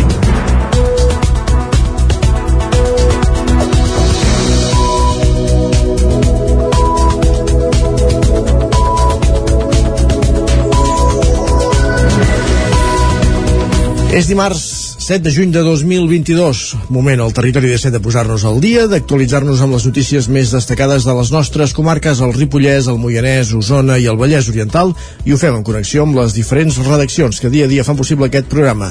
Les de la veu de Sant Joan, Ona Codinenca, Ràdio Cardedeu, Ràdio Vic, el 9 FM i el 9 TV. I us expliquem a aquesta hora que hi ha un assaig per frenar la papallona del boix, injectant un químic als arbres per matar les erugues quan mengen fulles. L'espècie invasora ja afecta unes 170.000 hectàrees i ha defoliat una tercera part dels boixos de Catalunya. Osona, el Ripollès i el Moianès són de les comarques més afectades. Acció Climàtica ha impulsat una prova pilot per frenar la papallona del boix, injectant un compost químic als arbres i arbustos que, a través de la saba, arriba a les fulles i després mata les erugues que en mengen. Aquesta tècnica d'endoteràpia vegetal ja s'ha utilitzat per combatre altres plagues, com la processionària del pi o el morrut de les palmeres, i si dona resultats eh, en els boixos, podria ser una bona eina per lluitar contra aquesta espècie invasora, que ara mateix ja afecta unes 170.000 hectàrees arreu de Catalunya i ha defoliat una tercera part dels boixos catalans. A més, injectant aquest compost s'evita pulvoritzar insecticides i afectar l'entorn o d'altres espècies. La plaga de la papallona del boix avança a Catalunya en direcció sud-oest des del focus inicial detectat a la Garrotxa l'any 2014. L'estudi fet pel departament confirma que aquesta espècie invasora ara mateix ja és present a 193 municipis de 23 comarques. On hi ha més grau d'afectació és a Osona, el Ripollès, la Garrotxa, el Berguedà i el Moianès. La papallona del boix és una espècie invasora que s'alimenta de fulles de boix tant de jardins com dels boscos. Els efectes de la plaga són molt importants perquè deixen els boixos absolutament defoliats, cosa que en compromet la capacitat de supervivència. Les erugues, tot i que provoquen molèsties, no són urticants ni perilloses per a les persones. Es calcula que només a Catalunya ja ha afectat el que dèiem 170.000 hectàrees, cosa que implica que és un 31% del total de boixos. La previsió és que la plaga acabi arribant a totes les zones de Catalunya en presència de boix i per això des del departament dediquen esforços per cercar mètodes de control biològic per minimitzar-ne els danys. Més qüestions, informem ara d'un canvi de direccions als carrers de Sant Feliu de Codines, zona codinenca, el campàs. El passat 3 de maig hi va haver una trobada entre els veïns d'aquests carrers i l'Ajuntament a la sala d'actes de la biblioteca per acordar alguns canvis en la circulació dels carrers, l'objectiu dels quals és millorar la seguretat i la fluidesa del trànsit a la zona. Manel Vila, regidor d'Espais Públics i Mobilitat, explica els antecedents d'aquesta situació.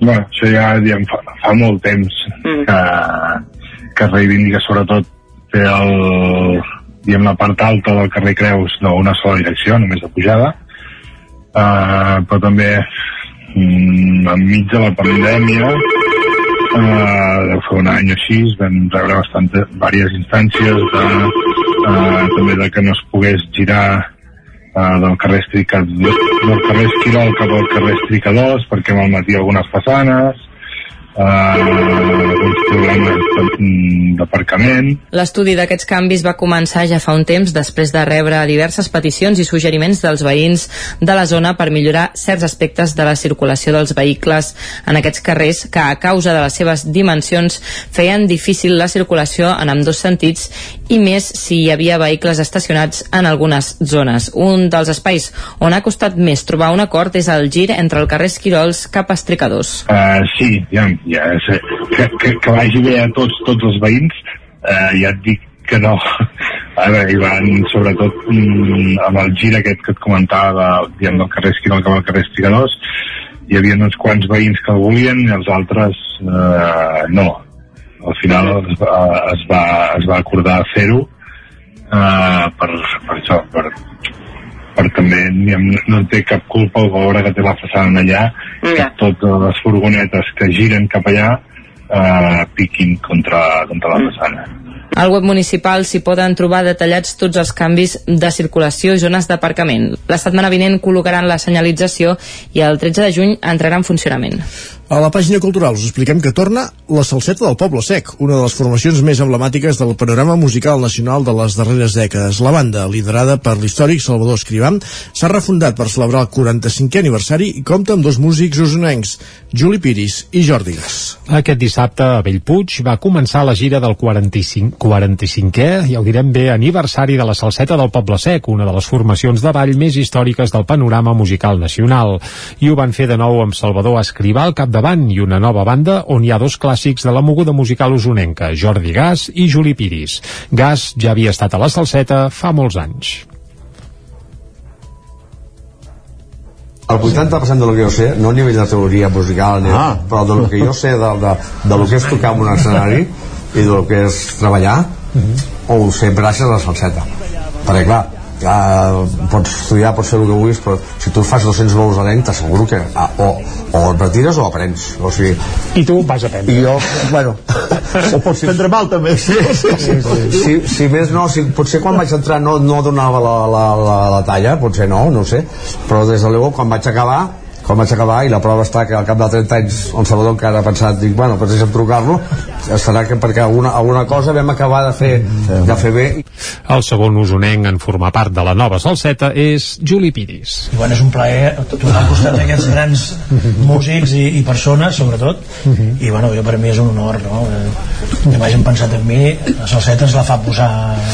Dreta, dreta, això és el que deia la tradició popular. Aquests darrers dies la Salseta havia estat assajant la nova gira a una nau de Taradell i de moment ja tenen una vintena de bolos lligats fins a la tardor. Cap d'ells, de moment, però, a Osona. La Salseta està clar que ha tornat per quedar-se i Escrivà ja avançava que la intenció és arribar a celebrar el 50è aniversari. Llarga vida, doncs, a la Salseta del Poble Sec. Espectacular la imatge que es va poder veure dijous a la tarda al passeig del Ter de Manlleu amb una grua que va traslladar una antiga màquina del cordó fins a la zona esportiva on quedarà exposada permanentment. La peça pesava 18 tones i Prismian l'ha cedit a l'Ajuntament que l'exposarà com a mostra del llegat industrial de la població. La màquina va sortir de les antigues naus de General Cable a Manlleu a primera hora de la tarda i no va ser fins al vespre que va quedar instal·lada en una base a prop del canal, a la zona que hi ha entre el pavelló municipal i el camp de futbol.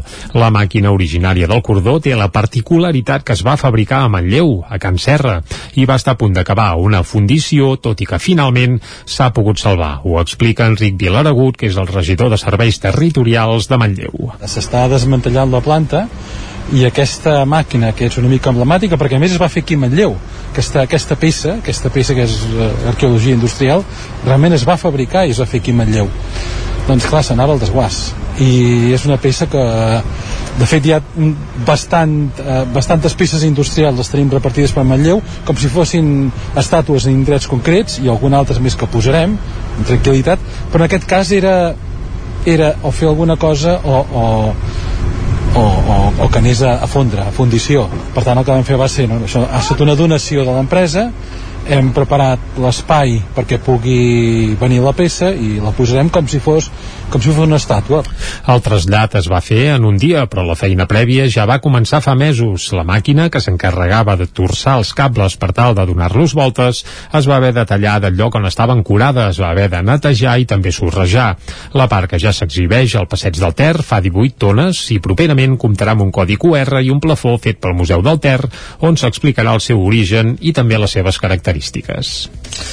Els dissabtes del mes de juliol torna el Festival d'Estiu de Sant Pere de Casserres. Per tercera vegada, el festival aposta per portar veus únicament femenines i, com a novetat, també hi haurà una actuació dedicada al públic infantil i familiar. Entre les actuacions previstes hi ha les de Coloma Bertran, Tartar Relena o d'Amaris Gelabert. En l'acte de presentació que es va fer la setmana passada a la sala de plens del Consell Comarcal d'Osona, Núria Arau, consellera delegada de Cultura, destacava la importància de la presència femenina. L'escoltem. El que s'ha buscat és seguir potenciant les veus femenines si podien ser d'Osona millor però també obrint-ho a la resta de veus eh, femenines de, de Catalunya per seguir eh, donant força a elles que en el món de la música eh, molts cops han, han, sigut, han tingut una veu més residual i nosaltres creiem que elles es mereixen tot el protagonisme de, del món igual que els diferents grups de música més compostos per, per homes D'altra banda, Jaume Anglada, director del Centre de Banca de Clients del BBVA a Vic, expressava la satisfacció de col·laborar en projectes com aquest. La relació de BBVA, la Fundació eh, Antiga Caixa Manlleu i el Consell Comarcal d'Osona té com un dels seus objectius la preservació del monestir de Sant Pere de Caserres, alhora que la difusió del seu patrimoni. Estem contents eh, de formar part d'aquesta entesa que ajuda a fer possible aquest festival així com d'altres projectes del territori eh, que posen el focus en una qüestió capdalt d'actualitat com és la sostenibilitat. Com a BVA estem convençuts que la cultura és un bé, un actiu eh, necessari, imprescindible, no tan sols per les societats del present, sinó i especialment per a la societat de futur. El cicle d'estiu a Sant Pere de Casserres començarà el 2 de juliol amb el Festival de Poesia Sarau Malgastat. El 9 de juliol hi actuarà la violinista usonenca Coloma Bertran, que hi presentarà el seu darrer disc, titulat Principis. El dia 16 serà el torn de l'Estar Terralena, que cap de setmana, per cert, era a Veget, a Camprodon. El 23, el Cor Geriona, amb el pianista Nito Figueres, i el festival acabarà amb Damaris Gelabert el dia 30 de juliol. Esports. Un error deixa l'eix Espargaró fora del podi del Gran Premi de Catalunya de motociclisme de Montmeló. Fabio Quartararo guanya la cursa de MotoGP que va encapçalar des del primer revolt. Núria Lázaro, Ràdio Televisió, Cardedeu podria haver pujat al segon graó del podi del Gran Premi de Catalunya de MotoGP, però l'Eix Espargaró, que sortia des de la pole, s'ha hagut de conformar amb la cinquena plaça d'una cursa que ha dominat i guanyat Fabio Quartararo, que amb el primer lloc d'aquest diumenge es consolida al capdavant del Mundial de MotoGP tot per un error que el mateix Aleix Espargaró ha assumit com a només seu, ho ha dit en declaracions als mitjans al final de la cursa. El pilot de Granollers s'ha aturat pensant-se que la cursa estava resolta per celebrar el segon lloc amb el públic, però la cursa no s'havia acabat i tres pilots l'han avançat. Tot i reaccionar ràpid, només ha pogut salvar la cinquena posició de la cursa. Des de la sortida, Quartararo ha dominat la cursa, Aleix Espargaró ha mantingut una intensa lluita per les altres dues posicions del podi amb dos pilots més, Jorge Martín i Jonan Zarco. Pol Espargaró, per la seva banda, ha quedat 17è. El Gran Premi de Catalunya ha plegat poc més de 60.000 espectadors aquest diumenge en una de les entrades més pobres des de que se celebra. Gràcies, Núria. I encara a la pàgina esportiva, la Unió Excursionista Sant Joan organitzarà la primera edició de la cursa d'obstacles vol d'àligues al mes de juliol. Isaac Muntades, la veu de Sant Joan. El pròxim 9 de juliol es disputarà la primera edició de la cursa d'obstacles vol d'àguiles organitzada per la Unió Excursionista de Sant Joan de les Abadeses. La cursa està inspirada amb un Spartan Race i constarà de 25 proves repartides al llarg d'un recorregut de 6 quilòmetres de distància. La presidenta de l'entitat, Clàudia Romero, detallava què buscaven amb la creació d'aquesta cursa. La volíem enfocar com a una activitat festiva, que estigués a l'abast de tothom. Hi ha curses, per exemple, de muntanya, que no tothom és capaç de fer, no? Nosaltres volíem això, doncs, cridar l'atenció de la gent que, que volgués participar en una activitat esportiva, però que no necessàriament tingués l'estat físic d'èlit per poder pujar al corrent, però alhora també crear una mica d'ambient competitiu pels que busquen, doncs, això, anar a guanyar. Per aquest motiu hi haurà dues categories, l'àguila reial i l'àguila comú. La primera estarà pensada per aquelles persones més fortes físicament que van al gimnàs cada setmana, que fan crossfit o que estan acostumades a aixecar pes. En canvi, l'altra categoria anirà destinada a la gent més normal. Per exemple, a la prova a la Fast and Furious els primers hauran de tombar dues vegades una roda de tractor i els segons una de cotxe.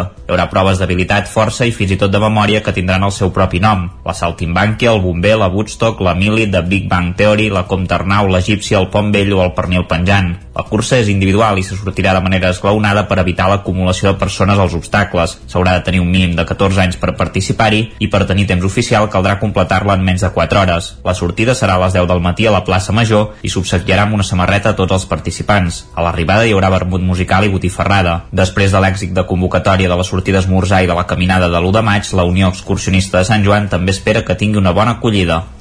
Gràcies, Isaac. Falta un minut perquè sigui un quart d'onze. Al territori 17 el que fem tot seguit és conèixer la previsió del temps. Casa Terradellos us ofereix el temps.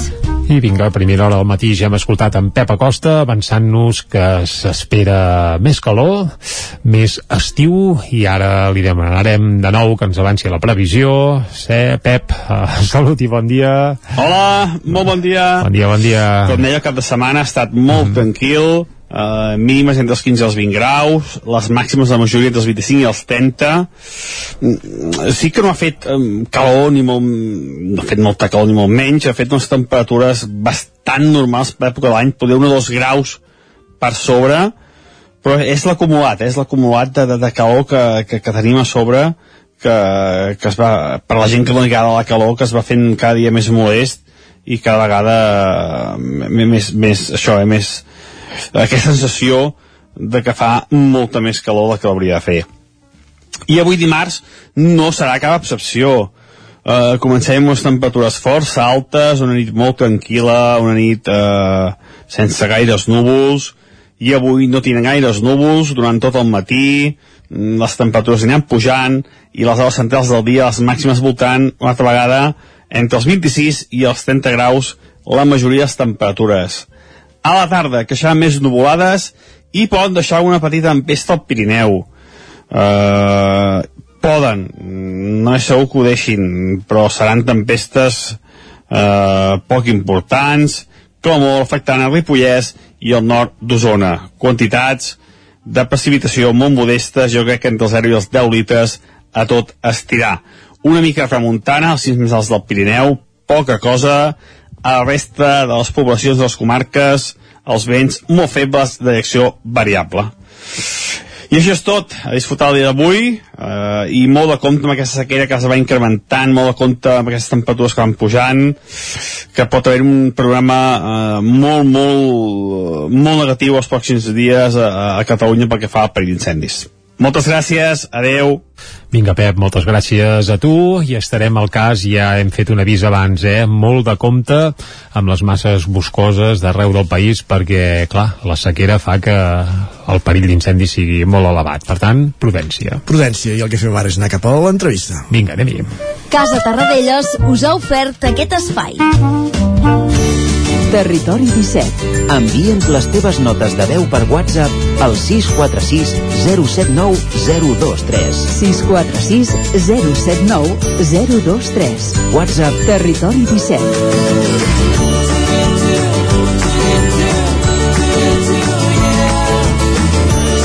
Territori 17. Som a Facebook, Twitter i Instagram amb l'usuari Territori 17.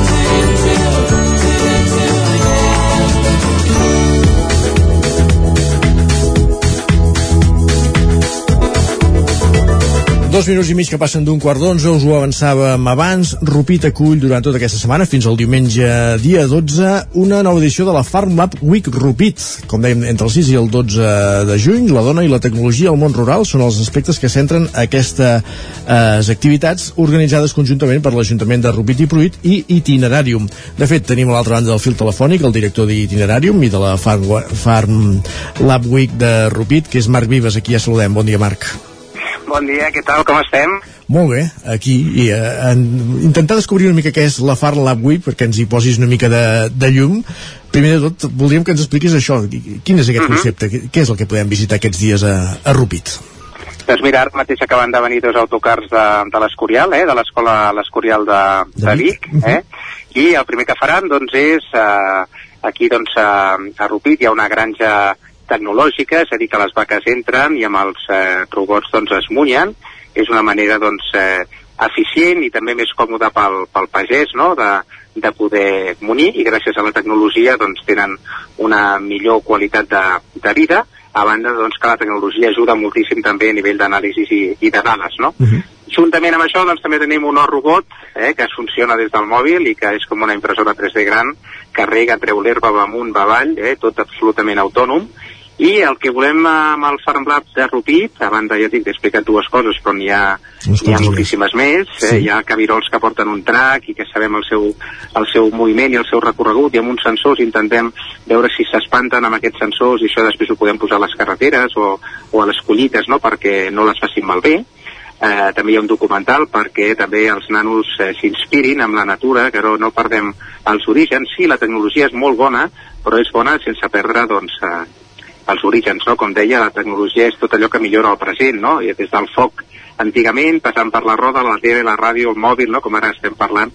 Per tant, una mica el FarmLab el que vol és ajudar als pobles a que tinguin tecnologia, evitar la despoblació, a, a millorar l'equilibri territorial, el 80% de les persones viuen a les ciutats, i, i la veritat, no ens enganyem, en el món rural s'hi viu molt bé, i si podem tenir les mateixes condicions tecnològiques que altres indrets, doncs eh, crec que és més que positiu. Uh mhm. -huh. Per tant, és això, demostracions d'aplicació de tecnologia al, al món rural, amb aquestes algunes experiències, algunes les avançaves, aquesta de, de la granja, el robot que -huh. muny, el, el robot que controla l'hort, el tema de, dels cabirols, eh, això ens ha fet, sí. ens ha cridat l'atenció. Bàsicament, sí. com, se, com si li aplica un xip o un control a, a, a un animal salvatge, per entendre'ns. Bueno, sí, exacte, tu has dit molt bé. És a dir, per, per agafar un animal salvatge és complicat, eh? El que passa que, doncs, que si algú doncs, de petit per la situació X doncs, pogut agafar algun perquè ha perdut la mare o perquè estava malferit i ha anat pujant doncs, de petit i el té doncs, en uns espais una mica més reduïts, no, diguéssim, doncs aquests cabirols són una mica més fàcil doncs, d'agafar, se'ls hi posa doncs, en aquest cas un, un collaret amb, un, amb una peça que és com un trac, val? que és com un trac, que vinculat al mòbil et dona amb una precisió exacta doncs si tu tens un tancat de 4.000 metres quadrats o de 10.000 metres quadrats tots els moviments minut a minut que està fent eh, i, en quin, i en quin lloc està. Val? Per tant, tu cada dia tens una gràfica a nivell de línies de qui ha fet el cabirol. Si tu poses uns sensors un dia a la dreta, l'altre dia a baix, l'altre dia a l'esquerra, i tu veus que allà no s'acosta realment perquè aquests sensors de llum so doncs, eh, el fan com espantar una mica, bé, doncs vol dir que això, aquests, eh, aquests sensors que es posen al terra són eficients uh -huh. i que per tant després es podran portar a la, a la vida real. Ja existeixen, el que passa que ens agradaria doncs, analitzar-ho millor. Ja existeixen aquests sensors. Però bueno, eh, el que potser ja és més complicat és posar-li, com deies tu, no? un, un trac en un cabirol i analitzar durant mesos el seu comportament amb aquests sensors.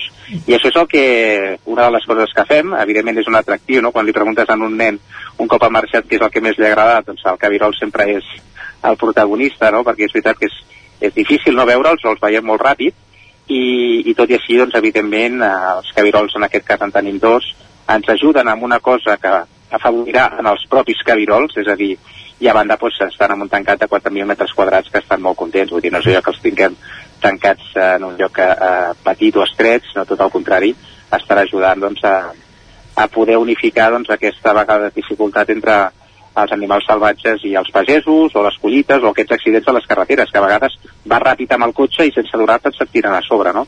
per tant doncs, des, de, des del FarmLab el que intentem és a banda d'aquestes experiències immersives eh, analitzar, desenvolupar projectes que millorin el, el dia a dia a la vida al camp. Uh -huh.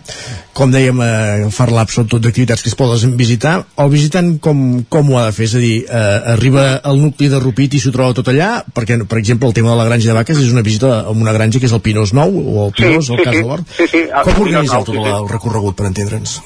A veure, nosaltres anem molt per passos, és a dir, nosaltres aquesta setmana, diguéssim, que inaugurem, val? Mhm. Tota aquesta setmana és gratuïta per tothom, és a dir, la gent que entra a farmlab.cat es descarrega el calendari i, diguéssim, que pot assistir a totes les eh, conferències, xerrades, activitats immersives, absolutament de forma gratuïta, val? Després, el que farem és que, sota demanda, eh, la gent podrà, doncs, sol·licitar, d'alguna manera, poder visitar el, el FarmLab, i aleshores doncs, es quedarà en un dia, doncs, si és una escola o és una institució o és eh, una família, uns particulars, però també és interessant aglutinar grups, perquè d'alguna manera que et vinguin no, a, a la una dos persones, a les tres eh, quatre persones, clar, tampoc no, no és sostenible, no? Per tant, d'alguna manera hi haurà doncs eh, un correu electrònic en el que els grups de persones que s'interessin en poder voler visitar el FarmLab de Rupit, doncs ho puguin fer, ho puguin fer. Serà, serà així. Eh, enviaran un correu, marcvives.farmlab.cat i aleshores doncs quedarem amb ells i podran fora d'aquesta setmana visitar i descobrir tota aquesta tecnologia al món rural. Més enllà d'aquestes tres experiències que hem explicat, n'hi ha d'altres també relacionades amb el món de l'apicultura, amb les abelles, i també hi ha Sí. confer conferències o fins i tot aquest concurs de divendres a la tarda, que també és una de les activitats que ara aquí poseu l'accent, que és un concurs popular de plats de cuina de l'àvia. Uh, Sí, ja sí, si podem sí, recuperar no? molta d'aquesta tradició culinària que Home. es va perdent. A veure, jo crec que aquí en el món rural és cert, no? hi ha molts restaurants que encara conserven cosetes, no? però el que hem d'intentar és això, és seguir-ho potenciant, perquè les àvies eh, cuinaven molt bé amb productes extraordinaris, feien uns plats per llepar-te'n els dits i a vegades avui en dia tendim a lo ràpid, no? Vinga, congelador, fregidora, jo també ho faig a vegades, eh? Per, per un tema, doncs, de, no? per voler anar ràpid a les 3, al tot. però home, hi ha menjars que són autèntica glòria i el que volem fer és un homenatge a les, a les dones, com fem tota la setmana del món rural, però divendres jo crec que serà un, mai més ben dit, el plat estrella, no? És a dir, que diferents particulars o diferents restaurants es presentin amb un plat que haguem d'escalfar i que un jurat, doncs, bueno, d'alguna manera els, els valori, eh? doncs jo crec que serà una autèntica festa en homenatge a, a les àvies, no?, en aquesta cuina.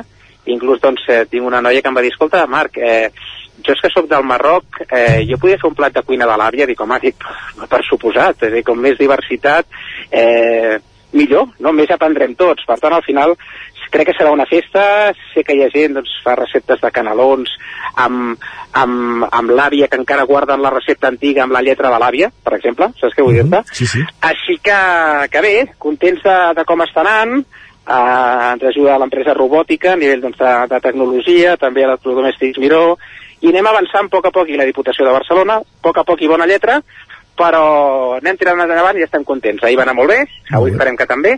Hi ha un recital de poesia de dones també avui a la tarda, Molt bé.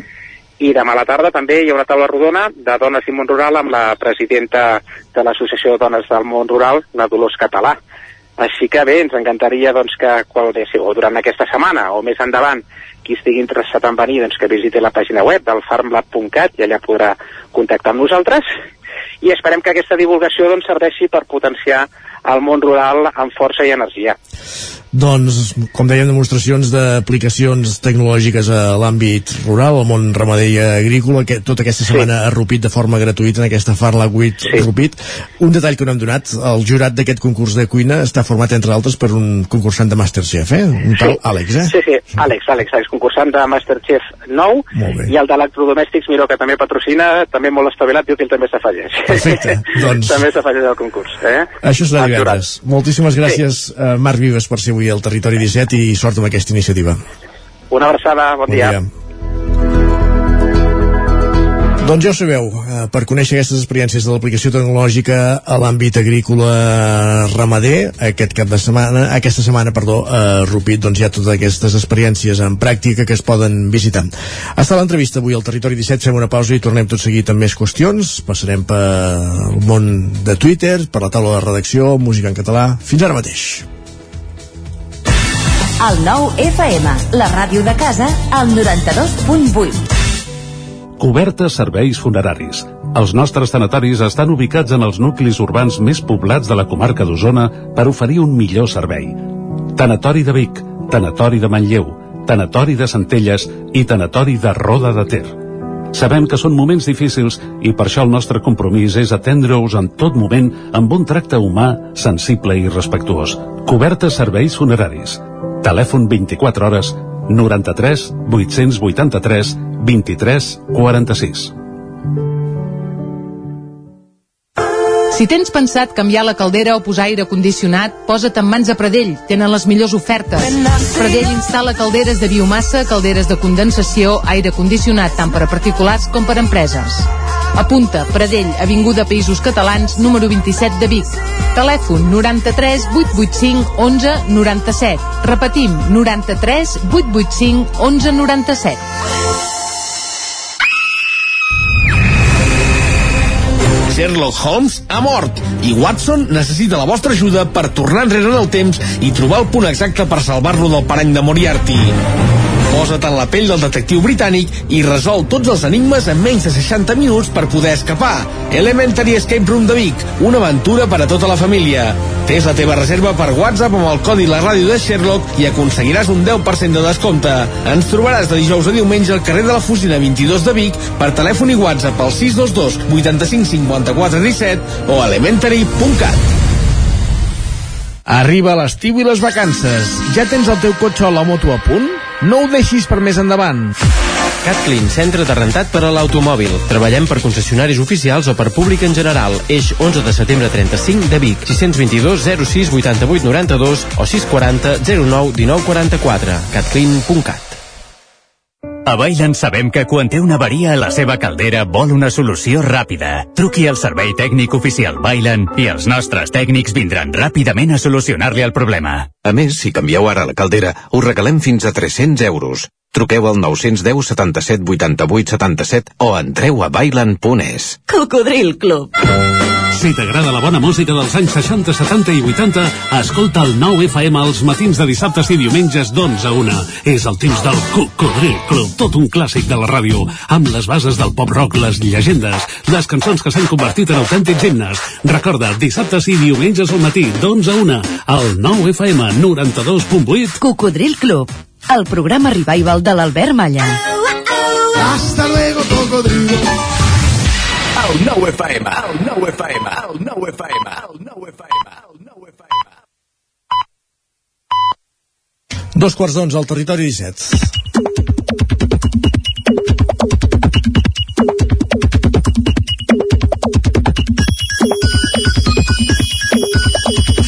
I a aquesta hora ens visita sempre en Guillem Sánchez, Laura Sánchez, eh? ja ho dèiem la setmana passada, ja la tenim aquí. Bé, l'hora no, perquè hi estarem menys d'una hora, eh?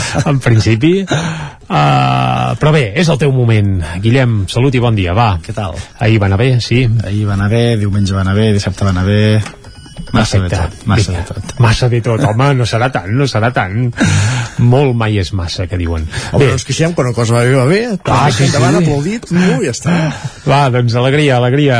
Posem-hi alegria i posem-hi tuits, també, va. Va, em sembla que- ho arrenquem? Doncs em sembla que a mi se'm va posar també aquest dilluns de festa com alguns usuaris també que ens escrivien per xarxes aquests dies. La- L'Ember ens deia molt a favor d'establir els dilluns com a festius.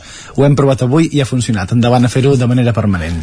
Pues, doncs mira, mira que Ah, no, no. Escolta, doncs, endavant, sí, ja ens hi apuntem tots, em sembla, eh? Hi ha gent per això que va una mica més enllà i li respon el missatge i li Ah, diuen... dimarts també. Li diuen, el dilluns ha de formar part del cap de setmana ja i divendres s'ha d'acabar la jornada laboral com a molt tard a les dues del migdia. Dic, sí, home, sí, ja no vinguem a treballar, no? Ja. També divendres de festa i quatre dies de festa. Bé, divendres només a la tarda, tampoc cal abusar, ja, ja també estaria bé, eh? Sí, home, sí. I també estic molt a favor de la proposta que ens fa en Pau a través de xarxes que ens diu a veure si després de la segona Pasqua algú s'inventa la tercera, la quarta i la cinquena. Bé, això ve lligat al calendari religiós i en principi n'hi ha dues i prou, eh? Si no contem Nadal. No se n'ha trobat alguna més? Home, si grates a la Bíblia motius per fer festa n'hi ha a cada pàgina gairebé, però en el calendari seria un pèl complicat. Llàstima, llàstima. Va, molta gent ha aprofitat aquests dies per descansar, anar a la muntanya o anar a la platja. En aquest sentit, la Nana ens fa una recomanació. Ens diu, recordeu, si us plau, de posar l'horitzó recte a les vostres fotos de platja amb el mar de fons. En sèrio, no costa tant.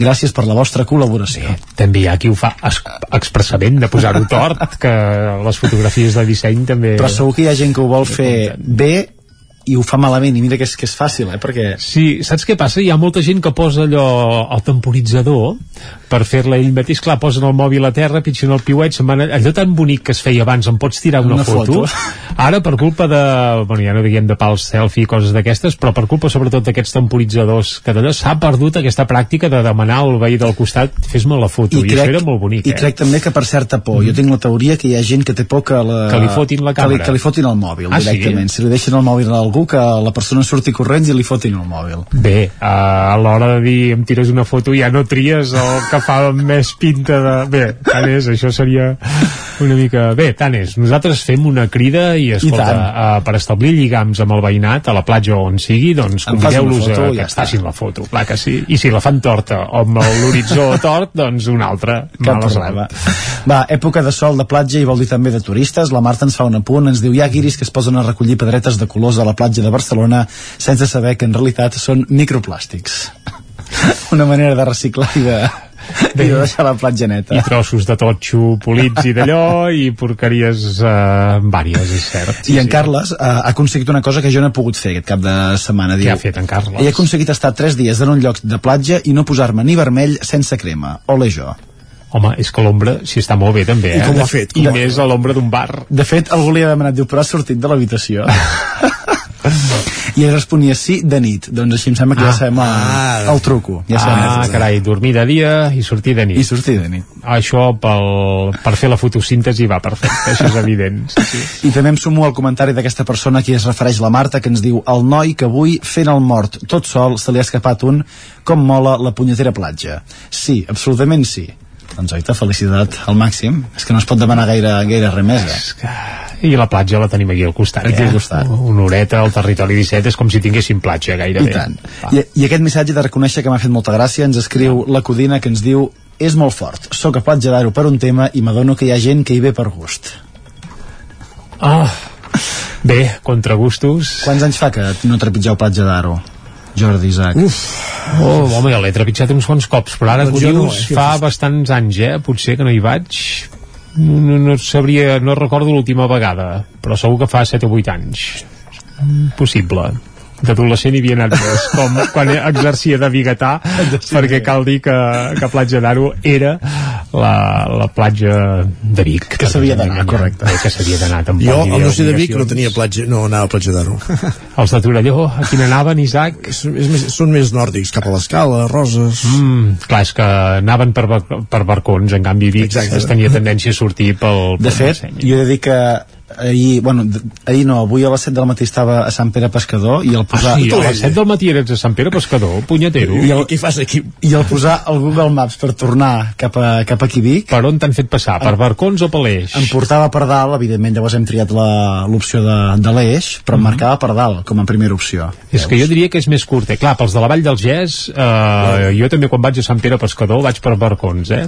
Però s'ha de dir que hi ha tot el compte de temps de travessar Olot, eh? També. Aquest és... Sí, i les preses, sobretot, sí, sí. en època de, de semàfors, embussos, etc. Però vaja, va anar bé, sí, eh? Anat molt bé, anat molt bé. Sant Pere vas pescar fort, sí, eh? Peixos, peixos, home, Sant Pere Pescador, escolta. Que... Ja, ja ha dit quan ha començat que havia anat tot el cap de setmana molt bé els Sí, sí, dies, sí, eh? és veritat, Més explícit no pot ser, home. Va, va, i acabarem la secció d'avui repassant una piulada del crims de- d'ahir, d'aquest dilluns. També hi va haver crims, eh? Només, Tot i ser festiu. Només va una, i molt d'acord amb la Laura, que ens diu crec que oficialment podem donar-li a la jutgessa el premi que odia la persona que millor s'ho ha passat gravant crims. 10 de 10, quina passió, reina. És veritat, i costa eh, que les jutgesses s'hi posin bé per aparèixer, per exemple, crims, i aquesta sí que semblava que li feia gràcia i tot. Potser és que apareix amb algun altre també, ja li ha agafat el gustillo i a veure si ens la trobem fins a final de temporada amb algun altre capítol. Bé, Veurem. Exacte, ho seguirem. Guillem, que, Que vagi vagi, bé. molt bé. Eh? Anem Torna a- a Sant Pere quan vulguis, pescador. Anem a fer un cop d'ull a les portades del 99.cat abans d'anar cap a la taula de redacció i comencem amb l'edició d'Osona i el Ripollès, que ara mateix obre explicant Cargos Capital confirma que invertirà a l'escola el Roser de Sant Julià. Aquest fet, evidentment, garant, garantiria el futur d'aquest centre del qual portem mesos parlant-ne perquè, clar, en teoria s'havia anunciat el seu tancament. També una entrevista a Josep Antoni Vallbona, que és el president de la MD de Sant Miquel de Balanyà, que diu mai s'ha consultat si el nom de Sant Miquel de Balanyà és el que volem, i és per això que ara activaran una consulta per decidir si passen a dir-se Balanyà de l'estació. I anem cap al Vallès Oriental, ara mateix el 99.cat obre explicant que hi ha una operació antidroga de la Guàrdia Civil amb escorcolls a Granollers i a Santa Eulàlia de Ronçana. L'operació eh, continua oberta i encara no se'n coneixen gaire detalls. També nits mutards sense incidents en el retorn després de la pandèmia, lligat també al cap de setmana de MotoGP, en aquest cas a Montmeló, i les escoles Bressol municipals de Granollers volen mantenir el personal extra que van fitxar durant la pandèmia. Doncs moltíssimes gràcies. El que fem ara és anar cap a la taula de redacció. Anem.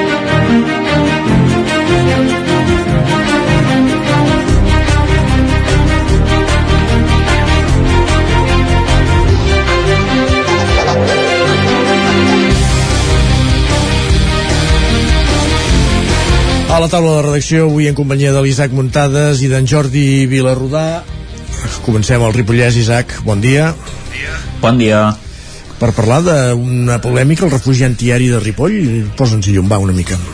Sí, és una polèmica d'aquelles petites però que sí que crida l'atenció perquè com sabeu doncs l'entrada al refugi antiaeri que hi ha sota la plaça de, de l'Ajuntament de Ripoll doncs està eh, molt a prop del que seria el monestir a l'altra banda de, del carrer però sí que és cert doncs, que quan eh, tu vens per exemple del carrer Sant Pere que és un carrer principal de, del centre del poble doncs el primer que veies abans era la portada del monestir vull dir que era un paisatge molt bonic eh, per dir alguna manera no?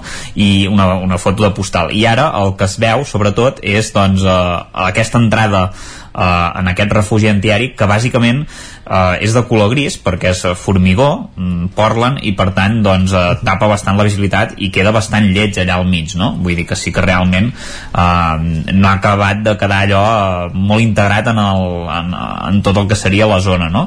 eh, això va provocar una mica de polèmica en el, en el darrer ple dels diversos eh, d'alguns grups de l'oposició com Esquerra Republicana que de, demanava això no? que ostres si es podria haver mirat de, de que hi hagués algun tractament especial perquè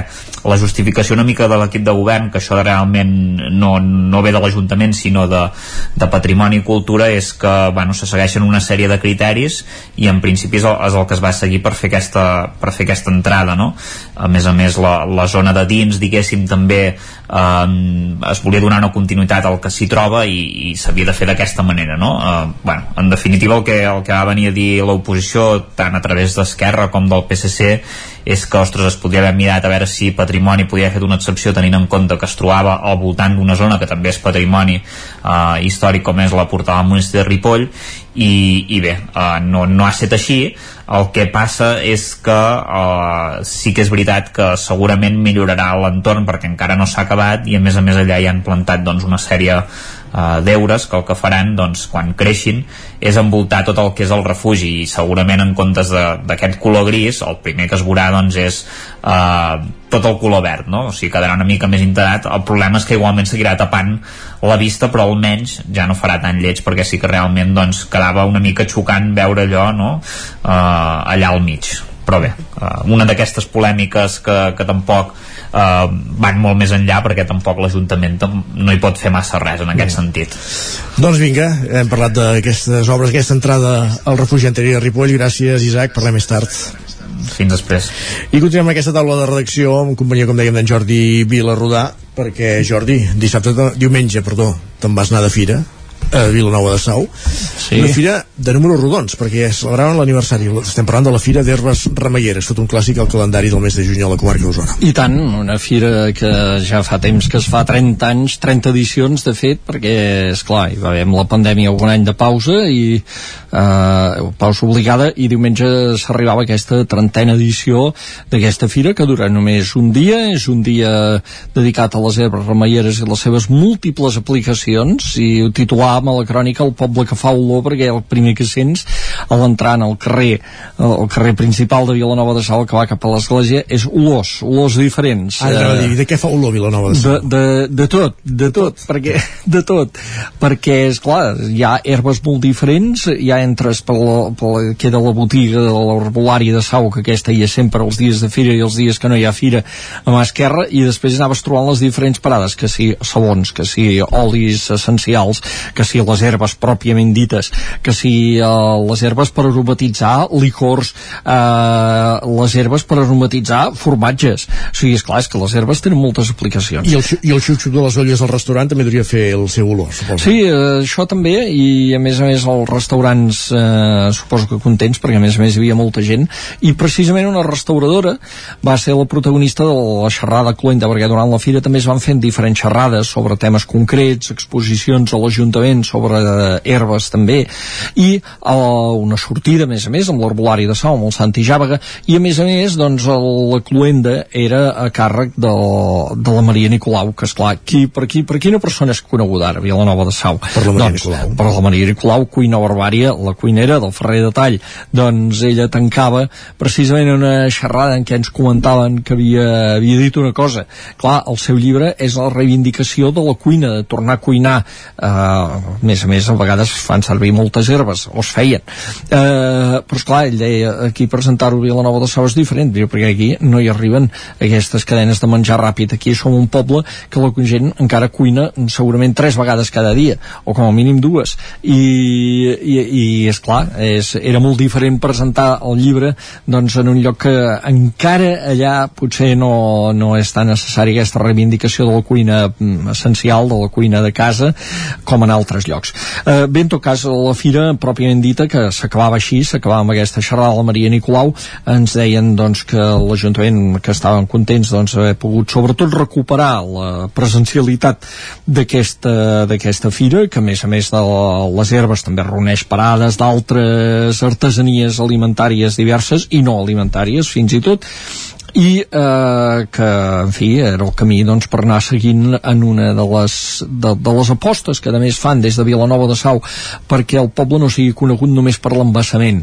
És a dir, que hi hagi una sèrie d'ofertes de turisme doncs, de qualitat que tregui doncs, un determinat tipus de visitant i que vagin fent aquesta vinculació doncs, del, del poble i, de la, i del seu entorn i de la natura potser per això també eh, pensava que quan, quan es va dir que aquest any no es faria aquell gran festival, el Bioritme, en el sí. terme municipal de Vilanova de Sau, ni l'Ajuntament ni a la gent no semblaven gaire amoïnats. Eh, bàsicament perquè estan fent una aposta de turisme vinculat a la natura i sostenible i vinculat a altres coses, com fins i tot també la cuina, que, que, que busca un altre tipus de, de visitant de més, fet... més regular, menys massiu més, més, més distribuït durant l'any també, no? I també cerca de turisme no n'hi falta a Vilanova de Sau. No n'hi falta, no n'hi falta, i vam poder comprovar doncs també aquest diumenge que sort que estava ben organitzat, ben habilitat els aparcaments, etc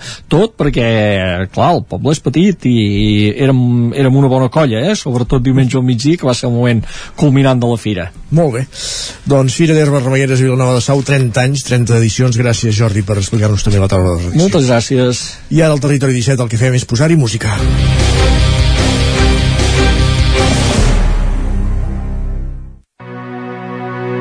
Territori 17 el 9 FM, la veu de Sant Joan, Ona Codinenca, Ràdio Cardedeu, Territori 17. Passa mig minut de 3 quarts d'onze. Asfalt la meua terra i vol trots la meua gent, gent del Mediterrani, del sol i del vent. Asfalt la meua terra i vol trots la meua gent, són passat, són futur i present.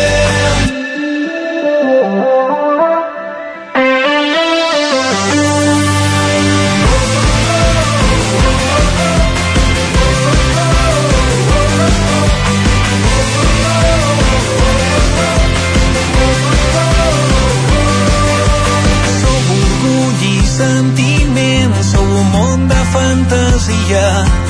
Sou l'estrella més lluent, sou la llum que sempre m'ha guiat. Sou la màgia del moment, un tsunami d'alegria. Sou la llengua dels mil accents, cultura, festa i poesia.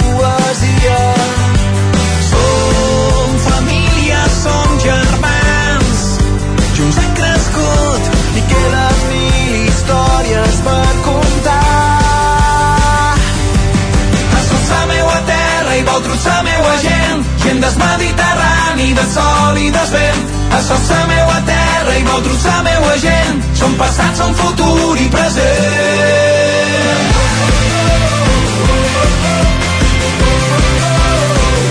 Doncs ja sabeu que el Territori 17 de tant en tant ens acompanya l'Arnau Jaumira per posar-nos al dia del mercat discogràfic que es cou a casa nostra, a Catalunya, i avui comencem així d'energètics amb aquesta proposta. Arnau, explica'ns. Bon dia. Bon dia, bon dia. Doncs sí, comencem energètics amb Pèl de Gall, que és el grup que està sonant, un, un quintet eh, menorquí, i eh, amb aquesta dedicatòria al Mediterrani, eh, aquest terra i sal, que parla doncs, això del, del, del mar Mediterrani, i que és una, una col·laboració també amb uns quants artistes ja bregats també en moltes batalles com són Xavi Sarrià com sóc Eric, Eric Vergés o Changuito no? gent de diferents, eh, diferents parts de, de, del territori eh, mediterrani català, no? perquè Xavi Serra és del País Valencià, Eric Vergés doncs, des de, de Catalunya, des d'Aigua Freda en aquest cas, i Changuito des de Bunyola, no? i fan aquesta, aquesta col·laboració amb aquest eh, quintet eh, menorquí que es diu Pèl de Gall, que ja porta una dècada de trajectòria i que estan tombant també cap a aquest estil més festiu, no? que segurament és molt, molt reconeixible de molts grups actuals eh, del panorama català, per tant un, un estil que jo crec que els hi, pot, els hi pot funcionar molt bé aquest estiu si saben si jo veig una cançó d'aquestes de festa major eh? Molt bé, sí, sí, està, està claríssim.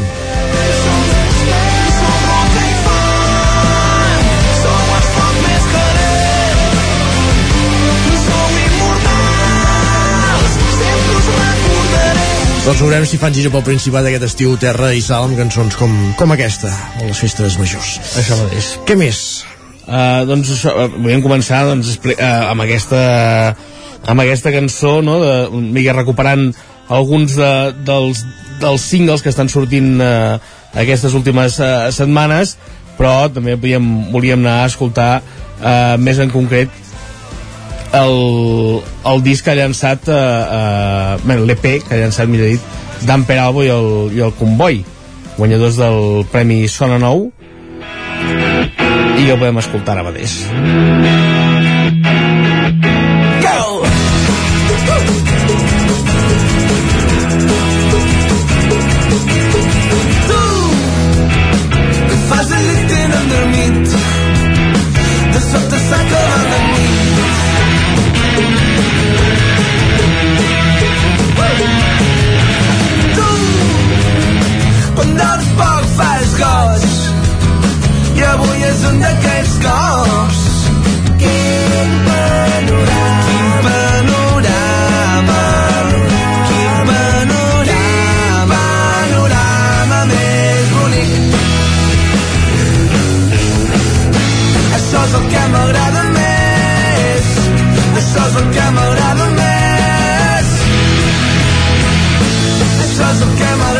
Quin panorama, una de les cançons d'aquest EP, el resultat del Premi Sona Nou de Dan Peralbo i el Comboi, que es presentava, que sortia a la llum, re, fa 10 dies i es presentava el mateix dia a, a, a casa seu, mateix, sí, a sí, Torelló, el, al el Festus, correcte. correcte. Sí, sí, la veritat és que és, és això, un, un EP que va treure després de, de resultar el projecte guanyador d'aquell Sona Nou això, aquest, aquest panorama que ells doncs, eh, escriuen que és una mica el, el panorama que pots, pots trobar l'endemà després d'una nit de, de festa i de ressaca no? que et lleves i mires al teu entorn i dius eh, quin panorama no? això, realment és eh, aquesta l'expressió que podria sortir molts cops i és això, és el resultat d'aquest de, aquest miris com tu miris que es, així es diu aquest eh, EP i doncs, amb, amb Dan Peralbo al, al capdavant com bé diu el, el, el nom, que ell no ha volgut perdre, perdre el nom, i s'ha afegit la banda, que és el, el Comboi, que hi van a darrere i que, evidentment, doncs, sense ells seria complicat eh, d'explicar aquest d'allò, perquè crec que acaben de farcir molt bé amb un,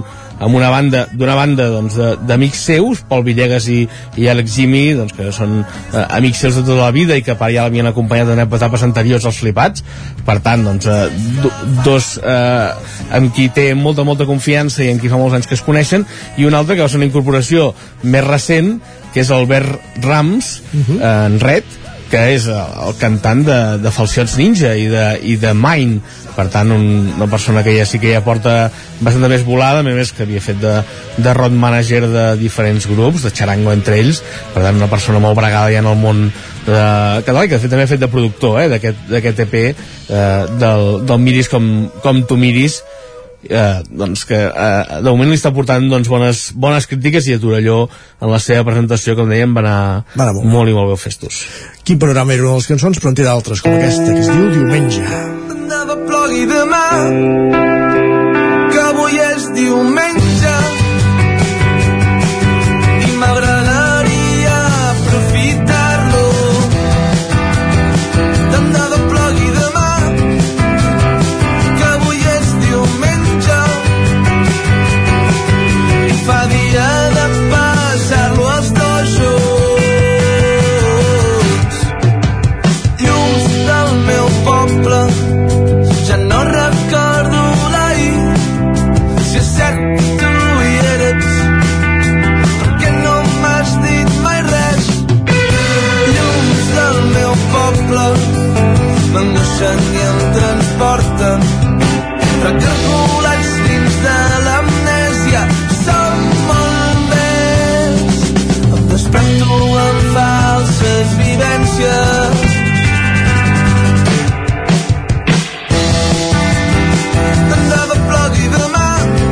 Repassant aquest EP de Dan Peralbo i el Comboi, eh, una altra de les cançons, com dèiem Arnau, aquesta és diumenge.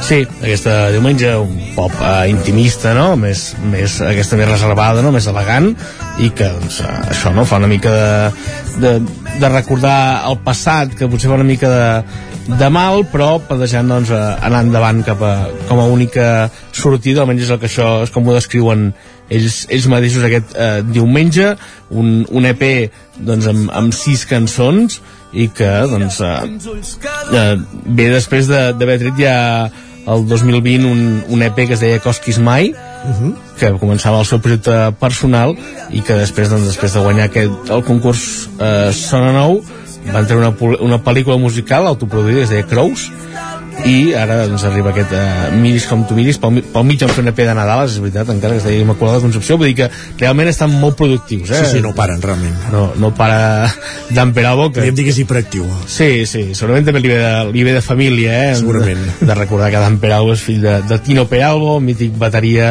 dels Brighton 64, per tant, una persona que ja ha mamat música des de molt petit, que de fet a casa seu tenia una, una botiga de discos i per tant també encara, en, encara més, no? I per tant, bé, és un... Uh, bé, Ara estic pensant si quan hi havia la botiga de discos Dan existia, que diria que no. no sé, pot, pot ser que no, tens raó, ara que ho dius, potser El no. Biscuiter. El Biscuiter, correcte, una botiga de discos que hi havia a Torelló. I bé, jo crec que d'en Perau ha anat fent una, una evolució, eh, perquè evidentment eh, en això no té res a veure amb el que cantava els flipats, evidentment que eren etapes, etapes totalment Llavors, diferents. Era preadolescent pràcticament en aquell moment. Correcte, en aquell moment era un preadolescent, marcat segurament també per lo que li demanaven una mica més eh, doncs de, alguna discoràquia per intentar de sortir a la, a la llum i ara amb aquest diumenge que és, ai, perdó, amb aquest eh, eh, miris com tu miris aquest EP que sí que realment el que han pogut crear ells de, de zero amb la producció que deia abans de, de l'Albert Rams que, de, que ha fet també doncs, de, de productor en algunes de les no, en tot el, en tot l'EP, vaja Pizza amb massa mare, una altra de les sis cançons. De fet, n'escoltarem quatre de les sis. Pizza amb massa mare, de Dan Peralbo i el Comboi. que s'allarga i és pesant no si vaig bé l'he tornat a fer a fora vaig de bo de bé de bo de bé de bo de bé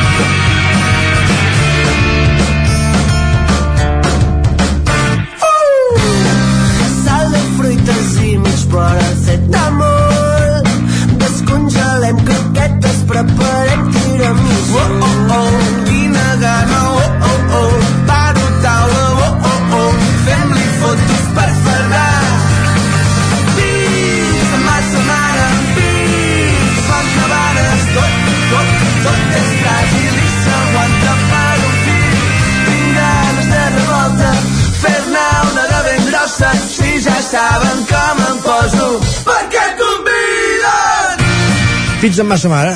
Uh, Sí, sí, sí, un altre d'aquests d'aquests uh, petits aquests, això, aquestes petites píndoles d'en Peralbo i el comboi en aquest miris com, com tu miris que té aquesta frase, no? De, no sé si vaig bé o l'he tornat a fer, no? Aquests dubtes de, existencials. Sí, això mateix, de, de, de saber si, si estàs anant en la, bona, en la bona direcció o no. Ells mateix ho descriuen com la cançó més juganera del disc, sobretot el, pel que fa al, al directe. Uh -huh. I, I aquesta pizza massa mare com la com la l'omples? Doncs una pizza margarita. M'encanta el que veig. No? Sí, sí, sí, sí. Sembla bé, sembla bé. Preciós. Amb poques paraules, però jo t'estimo i t'admiro. Per aquí o per allà, però sempre em vas a fer mal. No te n'adones, que em fas feliç i m'abandones. Margarita, fes-me un fill. Que fa dies que t'admiro, quan t'admiro, tot el meu cos delinqueix amb gestos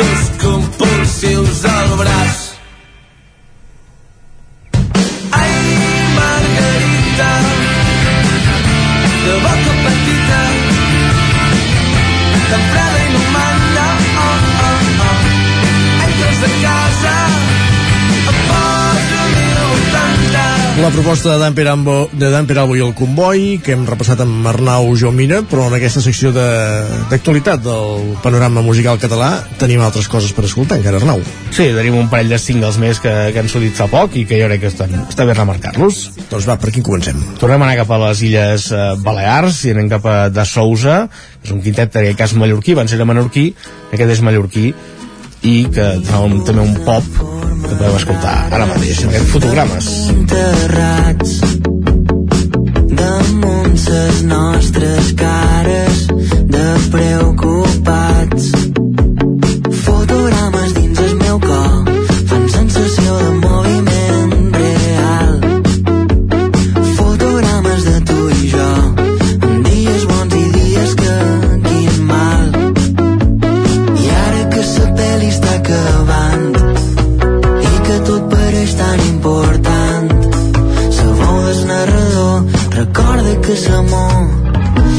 per sempre i un instant tant, tant, per sempre i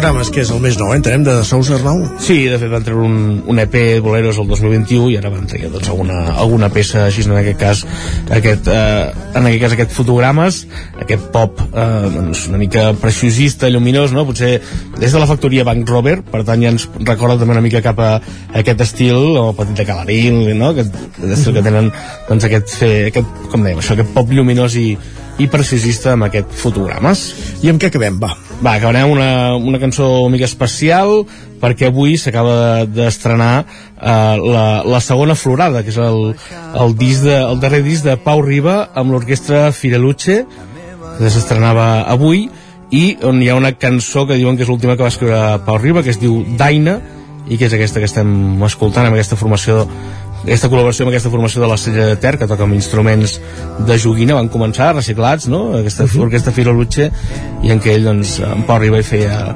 aquestes intervencions com la que podem escoltar ara Doncs moltes gràcies en Pau Riba i l'Orquestra Firlutxe. Acabem. Gràcies, Arnau. Bon dia. Fins aviat. banyes de cèrvol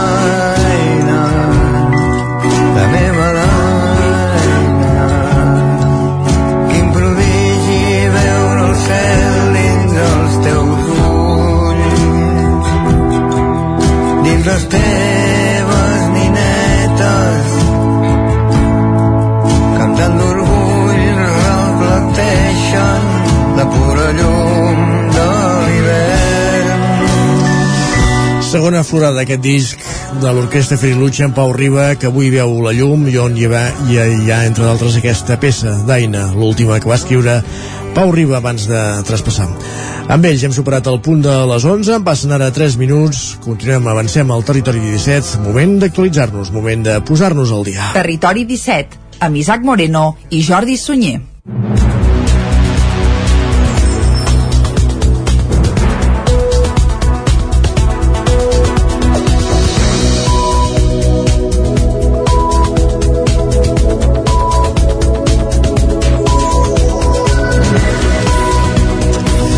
Ho avançàvem a la taula de redacció, polèmica Ripoll, perquè l'entrada del refugi antiaeri tapa la portalada del monestir. Isaac Muntades, des de la veu de Sant Joan. Queden molt pocs detalls per enllestir el refugi antiaeri de la Guerra Civil Espanyola situat a sota de la plaça de l'Ajuntament de Ripoll per poder obrir-lo perquè el públic el pugui visitar. Tot i això, alguns grups de l'oposició no els agradava com quedava estèticament l'entrada al refugi. La regidora d'Esquerra Republicana, Chantal Pérez, va preguntar sota quins criteris s'havia fet la construcció d'aquesta entrada, ja que no entenien que s'hagués permès fer un element que tapava visualment actualment la portalada del monestir de Ripoll. Pérez també deia que hi ha gent que s'hi enfila, un fet que va considerar difícil de controlar i que podia ser perillós amb la carretera tan a prop. El regidor i cap de l'àrea de Territori i Sostenibilitat, Joaquim Colomer, li contestava així. És patrimoni i cultura qui determina doncs, els criteris, l'entrada, el tipus d'entrada, el tipus d'accés i com ha de ser. De fet, no només per donar-li un detall, l'encofrat d'aquest mur de formigó que veiem té un encofrat especial amb unes dimensions, amb una amplada, que és la mateixa que es reprodueix a l'interior d'aquest aquest refugi i per tant doncs Cultura Patrimoni ha volgut doncs que a l'exterior hi hagués la rèplica aquesta de, de l'interior. El, el tema de, de seguretat, com bé diu, doncs està senyalitzat. Recordem que el centre urbà doncs s'ha d'anar a 30 km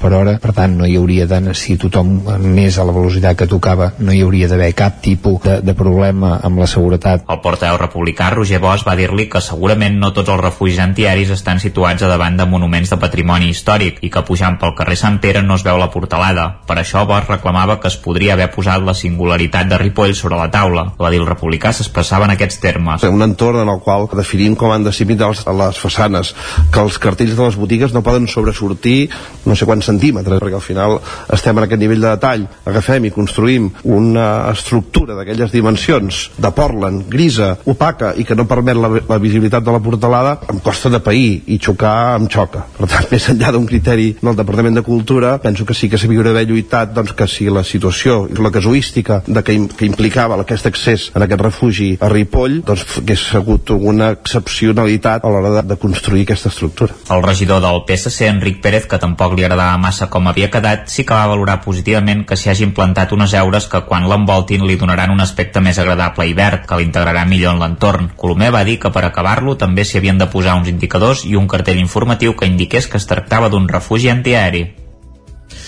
Gràcies, Isaac. Més qüestions. La minicentral hidroelèctrica de Can Trinxet a Sant Quirze de Besora passarà a ser gestionada per la futura energètica pública de la Generalitat, que entrarà en funcionament a finals d'any.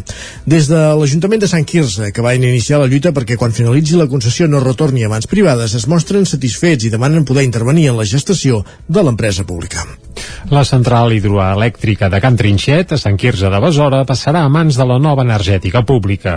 El Departament d'Acció Climàtica, Alimentació i Agenda Rural, a través de l'Agència Catalana de l'Aigua, ha iniciat ja els tràmits per revertir la concessió que finalitzaria el proper 30 de juliol de 2024 i que ara mateix està en mans d'Edificaciones Ben.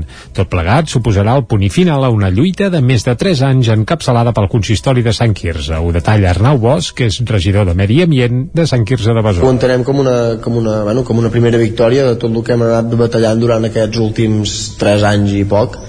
Llavors estem contents. Estem contents de que, de que això sigui així de que se'ns hagi escoltat, de que s'hagi escoltat el poble Segons detallen des del Departament d'Acció Climàtica, en el cas de Can Trinxet ja s'ha requerit tota la documentació al titular, l'empresa Edificaciones Ben, també a l'Institut Català de l'Energia i a la Direcció General d'Energia. Al poble de Sant Quirze, però, encara hi ha dues minicentrals més, la de Can Guixà i la de les Illes, amb una concessió a aquestes dues que acabaria el 2061. Escoltem a Arnau Bosch. En aquesta situació hi ha moltes altres centrals de, i minicentrals de, de les conques internes de Catalunya que s'hi troben i també estem en, en procés, això segurament serà més lent, però seguim, seguim treballant-hi doncs, de fer-les revertir per, per dient que bueno, són centrals que ja fa més de 150 anys que s'estan explotant quan la llei actual diu que haurien de ser màxim 75 Ara el municipi demana també poder formar part del procés de gestació de la futura energètica pública perquè el revertiment d'aquestes concessions tingui un efecte directe a les butxaques dels veïns. Can Trinxet té una potència de 890 quilowatts i genera una mitjana d'ingressos anuals de 270.000 euros. Ja hi ha data per la consulta del nom de l'entitat municipal descentralitzada de Sant Miquel de Balanyà. Es farà el divendres 17 de juny a la tarda i també el diumenge dia 19 durant tot el dia. Els veïns podran triar dues opcions. Mantenir el nom de Sant Miquel de Balanyà o passar a dir-ne Balanyà de l'estació el divendres 17 de juny a la tarda i durant tot el diumenge dia 19. Aquestes són les dues jornades de consulta que ha determinat l'entitat municipal descentralitzada de Sant Miquel de Balanyà per resoldre un dubte històric, amb quin nom oficial volen ser identificats. De fet, els habitants d'aquesta població parlen de Balanyà quan volen fer referència a les seves places i carrers, però aquesta nomenclatura topa amb la del municipi veí, Balanyà, que té en els hostalets de Balanyà el seu nucli d'habitants principal. Ho explica tot plegat Josep Antoni Vallbona, que és el president president de l'entitat municipal descentralitzada de Sant Miquel de Balanyà.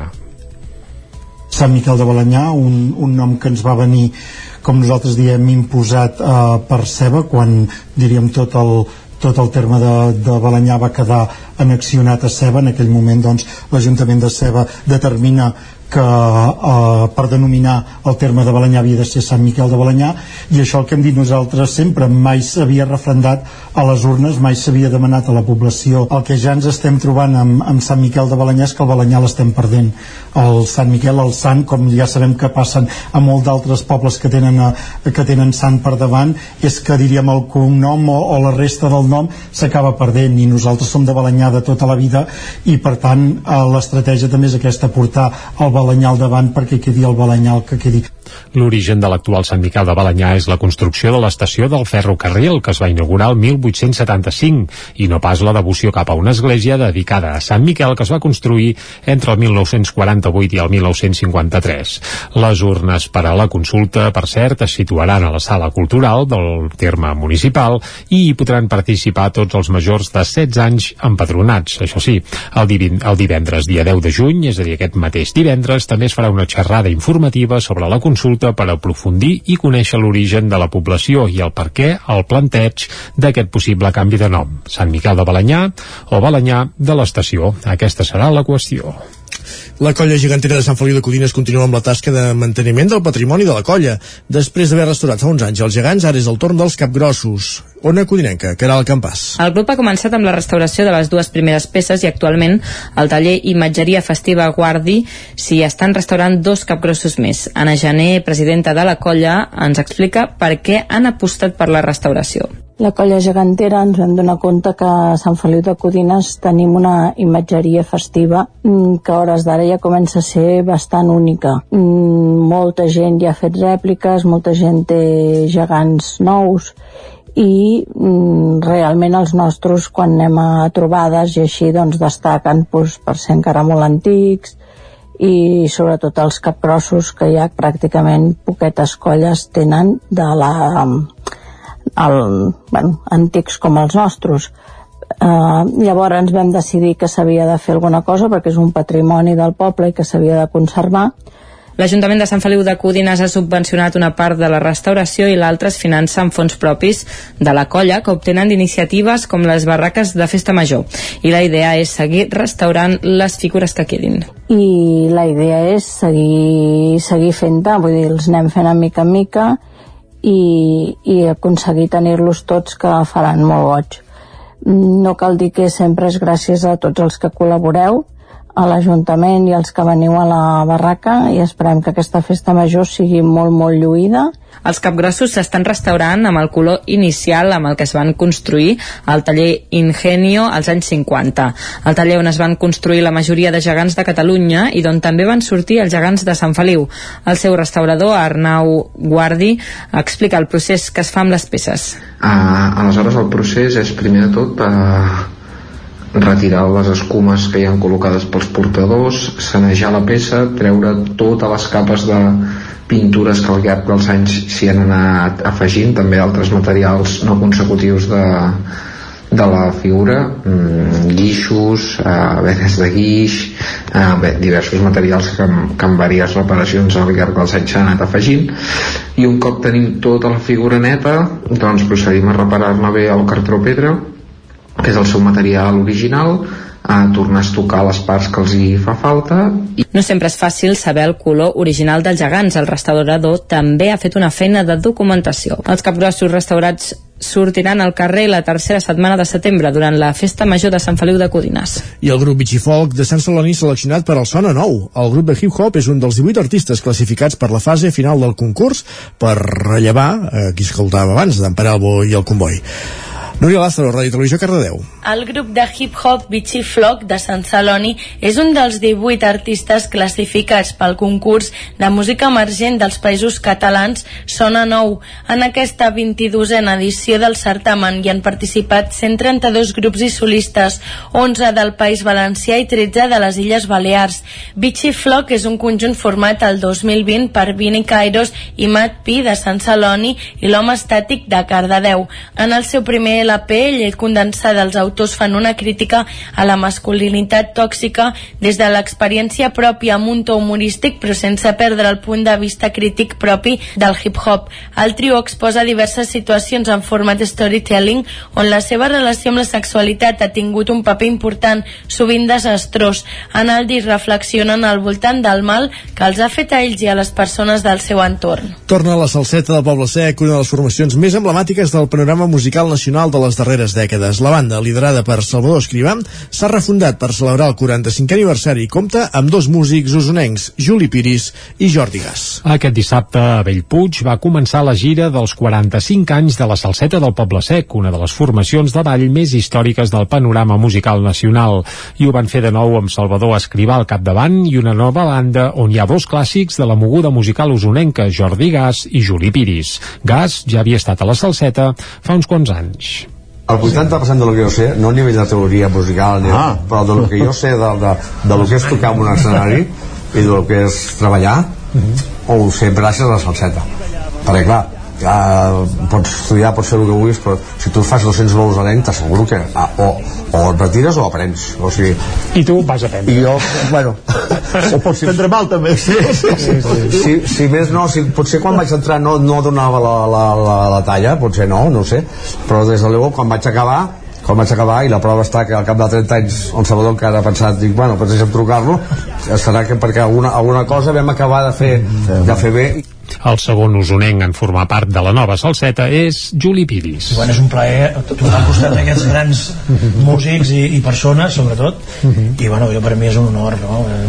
Que m'hagin pensat en mi, la salseta ens la fa posar dreta, dreta, això és el que deia la tradició popular. Aquests darrers dies la Salseta havia estat assajant la nova gira a una nau de Taradell i de moment ja tenen una vintena de bolos lligats fins a la tardor. Cap d'ells, de moment, però, és a Osona. La Salseta ha tornat per quedar-se i Escrivà ja avançava que la intenció és arribar a celebrar el 50è aniversari. Llarga vida, doncs, a la Salseta del Poble Sec.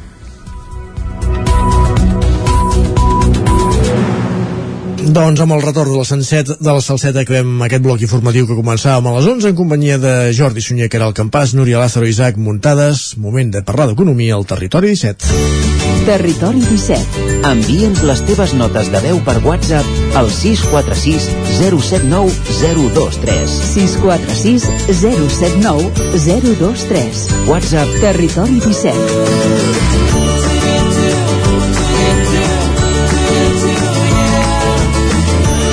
Territori 17. Som a Facebook, Twitter i Instagram amb l'usuari Territori 17.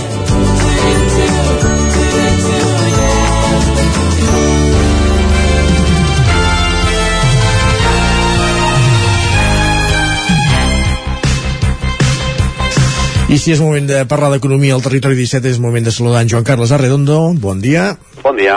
Amb el cap d'Economia del 9-9 del Vallès Oriental, el que fem és parlar d'inversió pública o no inversió a Catalunya, perquè la setmana passada coneixíem aquesta dada del 38% en penso que era, que és el que s'havia executat de la inversió prevista el 2021 a, a Catalunya per part del govern de l'Estat.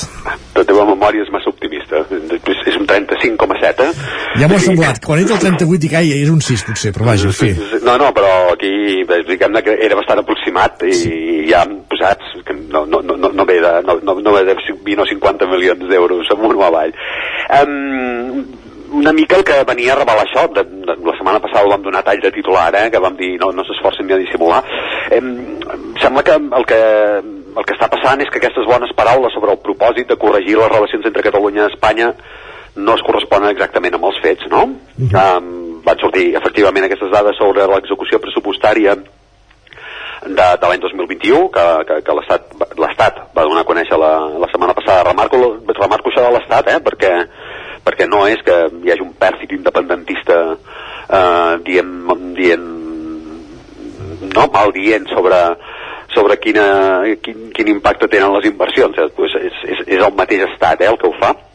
Eh, Diguem-ne que mm, això, eh, aquesta, aquesta dada de que, de que només eh, un de cada 3 euros, eh, no, dos de cada 3 euros mm, s'han volatilitzat, diguem-ne, no? Eh, d'inversió, eh, doncs va provocar justificable, un revolt justificable, eh, però de, no, no deixa de ser de posar números eh, el que, el que s'intuïa. Eh? Ja existeix un, més preu, un menys preu a les perifèries costaneres, no passa només a Catalunya, que Catalunya és el que queda pitjor eh, en la fotografia, però també València, eh, un 4,5, eh, diguem-ne, un 45%. Eh, tampoc estem, tam, diguem-ne, aquestes perifèries costaneres, que són les més productives, eh, no queden afavorides, eh, eh, i en canvi sí que queden afavorides un, un tipus d'economia en base més en direm extractiva, eh? aquestes seus socials d'empreses eh, energètiques, d'empreses eh, d'infraestructures, etc, eh, menys productives finalment, no? Eh, i, i que sembla que també són més poderoses, no? I tot això concretament està en el centre de la península, per dir-ho més clarament, a Madrid, i per tant l'únic nou que porten aquestes dades és que fan visible que el greuge en comptes de corregir-se, doncs s'agreuja, eh? és un greuge que s'agreuja, i que ara eh, ja no es fa ni, ni l'esforç per dissimular. Eh, ho dèiem a tall de titular, eh? eh de cada 100 euros que estaven pressupostats a Catalunya l'any passat, se n'ha acabat materialitzant uns 36, eh? 35,7 35, exactament, al temps que a Madrid, de cada 100 euros pressupostats, se n'han se n'han executat 184. Eh? No només s'ha executat el que hi havia previst, sinó que gairebé el doble Sí, I... aquesta dada és ja la, la més demolidora, pràcticament, eh? Sí, sobretot perquè posa de manifest el greuge, eh? Diguem està, està claríssim que mm, no és difícil extreure la conclusió que Catalunya juga la partida, eh? la partida sí, sí. econòmica, la partida d'infraestructures, mm, tot, tot, totes les partides les juga amb un estat en contra i en canvi hi ha una obstinació a perpetuar aquest enfortiment de Madrid en detriment d'altres àrees. Eh? Es parla tant de, de l'Espanya buidada, etc tot, diguem-ne, Madrid actua com una aspiradora, eh? De, I, diguem-ne, que s'endú sempre la millor part, no? Eh, a, a més aprofundir en una sensació de greuge que hauria de voler evitar en termes polítics eh, eh, és una veritable disfunció econòmica que nosaltres venim a parlar aquí d'economia no pas de política eh? Eh, a Europa predomina el discurs de la necessitat de recuperar la indústria el que podríem dir l'economia productiva que dèiem al principi però en canvi Espanya s'estan tastant a escanyar el territori on es genera un 25% de les exportacions. Eh? Catalunya és un 19% en PIB, però en exportació un 25% de cada 4 ingrés, de cada 4 euros que s'ingressen a, a, a tot l'estat per, per exportació, un és d'algun producte o algun servei català. I diguem-ne que restar competitivitat això és restar-se competitivitat un mateix. Eh? Uh -huh. Les dades, com deien, són del mateix govern espanyol i després el mateix govern espanyol va intentar esbossar justificacions amb una traça que podríem qualificar com qüestionable. No? Va sortir a les justificacions la pandèmia, l'encariment de subministraments, dos factors que si fossin la veritable causa d'aquest de, desajust pressupostari eh, valdrien tant per Catalunya on s'ha invertit un 35 per, 36% com per Madrid on s'ha invertit un 184 no? també hi havia pandèmia a Madrid que la presidenta dissimulés i, i volgués convertir-ho en la, en la capital de la llibertat. Eh, també i també s'estan encarint els subministraments allà almenys, fins que, almenys que se sàpiguen no? Mm, doncs no va ser així eh? Madrid es va invertir tres vegades més que Catalunya i això, eh? també tenia pandèmia i encariment de preus mm, també es va insinuar que els catalans es posen més d'esquena segons quines inversions que els catalans són massa exigents no, no, no volem que ens milloni l'R3 no volem... Sí, sí. Exacte, ells posen d'exemple la, la inversió que hi havia prevista per l'aeroport ah, això és clarament una manera de desviar el debat perquè no s'està parlant sobre si cal un projecte o un altre és una vegada ja s'ha consensuat que aquests projectes han de tirar endavant perquè van al pressupost, si s'executen o no s'executen. No s'està parlant ara si, si l'aeroport o no l'aeroport. I quines són aquestes, mm, aquests compromisos que hi havia adquirits? Aquests compromisos que estan adquirits estan debatuts i estan aprovats. Eh? Eh, doncs infraestructures ferroviàries en les quals hi ha molt d'acord sobre la necessitat. Aquí diguem-ne que no hi ha molta discussió. Eh, sobretot perquè eh, el tema de les infraestructures ferroviàries, una mica el que estaves apuntant, Isaac, que el, el, no, el, el, la, la R3 que porta no sé, ja sóc incapaç de, de, de comptar els anys eh, de, de retard que porta, són dècades, doncs, clar, són dècades d'incompliments, eh, el, que, el que hi ha acumulat aquí. És cert que l'argument de l'exigència ha donat mm, peu al sorgiment d'un nou personatge en aquesta història, que és l'autoflagelador. Eh? és aquell que diu que en el fons són els mateixos catalans els que es busquen aquest dèficit inversor, Sí. que és una manera de donar la raó al guanyador, eh? Seria, en, en el fons ens ho mereixem, no? Exacte. Una anàlisi que deixa de banda anys de promeses incompletes, perquè, insisteixo, eh, no, no es tracta de quines inversions són necessàries pel futur, sinó de les que ja ho eren en el passat, eh? No és l'aeroport, és, per exemple, la estació intermodal de la Sagrera. Aquí no s'hi val autoflagelacions, eh? 16 anys fa que hauria d'estar acabada, eh? aquesta estació, i el projecte no fa més que acumular anys d'incompliments, eh, per tant, no, no són somnis de connexions intercontinentals, són, són purament vells somnis de connexions intercomarcals, eh? el que s'està buscant. Eh, per tant, no és demanar la llum, en un cova, la llum en un cova, sinó que és un servei de rodalies digne de portar el nom de servei, eh? Eh, cosa que no està passant. Eh, de- dèiem l'estació de la Sagrera mm, com un exemple gairebé a l'atzar, eh? perquè tot plegat ve de molt lluny, eh? del discurs de la desafecció de l'aleshores president de la Generalitat José Montilla, de l'acte de l'Escola de Negocis del IES, us recordeu, allà tota la societat civil catalana reunida per reclamar inversions, tot això era l'any 2007, eh? Ha pogut, eh? ha pogut, no ha pogut gaire perquè estem amb sequeres permanents, però, però déu-n'hi-do, eh? amb tot aquest temps. Però és que has d'entendre que hi ha hagut tot el procés pel mig que ho ha aturat tot, home. Ah, això, sí, la culpa sempre, sempre. sempre serà el procés. Eh? Recordeu l'editorial conjunt de la premsa catalana Sí. del 2009? Parlava d'aquestes coses. Sí, sí. Eh? Eh, L'altre després l'altre dia algú, en alguna ràdio la, la llegia i realment era bastant vigent. malauradament.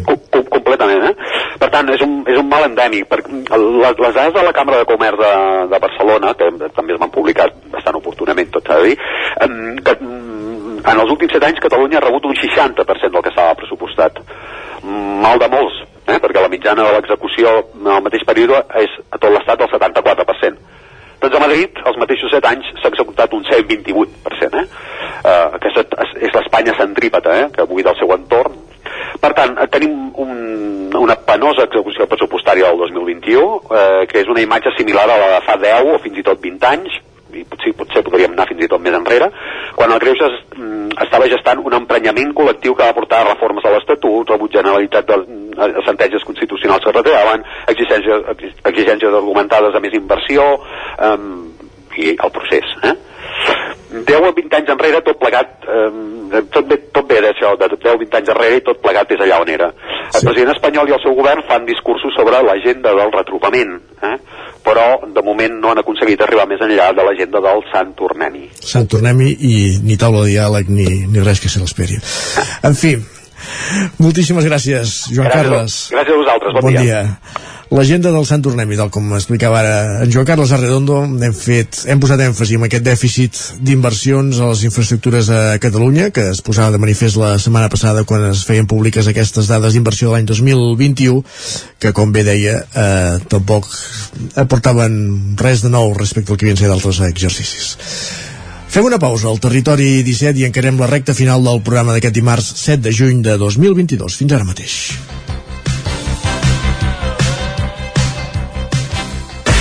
El nou FM, la ràdio de casa, al 92.8. Vine al racó del León i celebra la Revilla de Sant Joan. Menú especial, coca de Sant Joan i llangonissa per tothom. Gaudeix de la Revilla de Sant Joan al racó del León, carrer Torelló, número 35 de Vic. Fes la teva reserva al 93 889 19 50. Si tens pensat canviar la caldera o posar aire condicionat, posa't en mans a Pradell. Tenen les millors ofertes. Pradell instal·la calderes de biomassa, calderes de condensació, aire condicionat tant per a particulars com per a empreses. Apunta, Pradell, Avinguda Països Catalans, número 27 de Vic. Telèfon 93 885 11 97. Repetim, 93 885 11 97.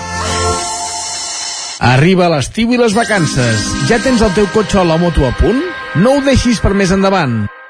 Autotaller Sol de Vila, reparació i manteniment de vehicles, servei multimarca a empreses i particulars. Carrer Mare de Déu dels Munts, 12 de Vic, 93886 0056 o 681 18 30 00. autotallersoldevila.com Nou restaurant Samsara Vic. Vine a provar el nostre sushi, plats japonesos i asiàtics. Bufet lliure cada migdia a les nits i als caps de setmana. També disposem de menú infantil.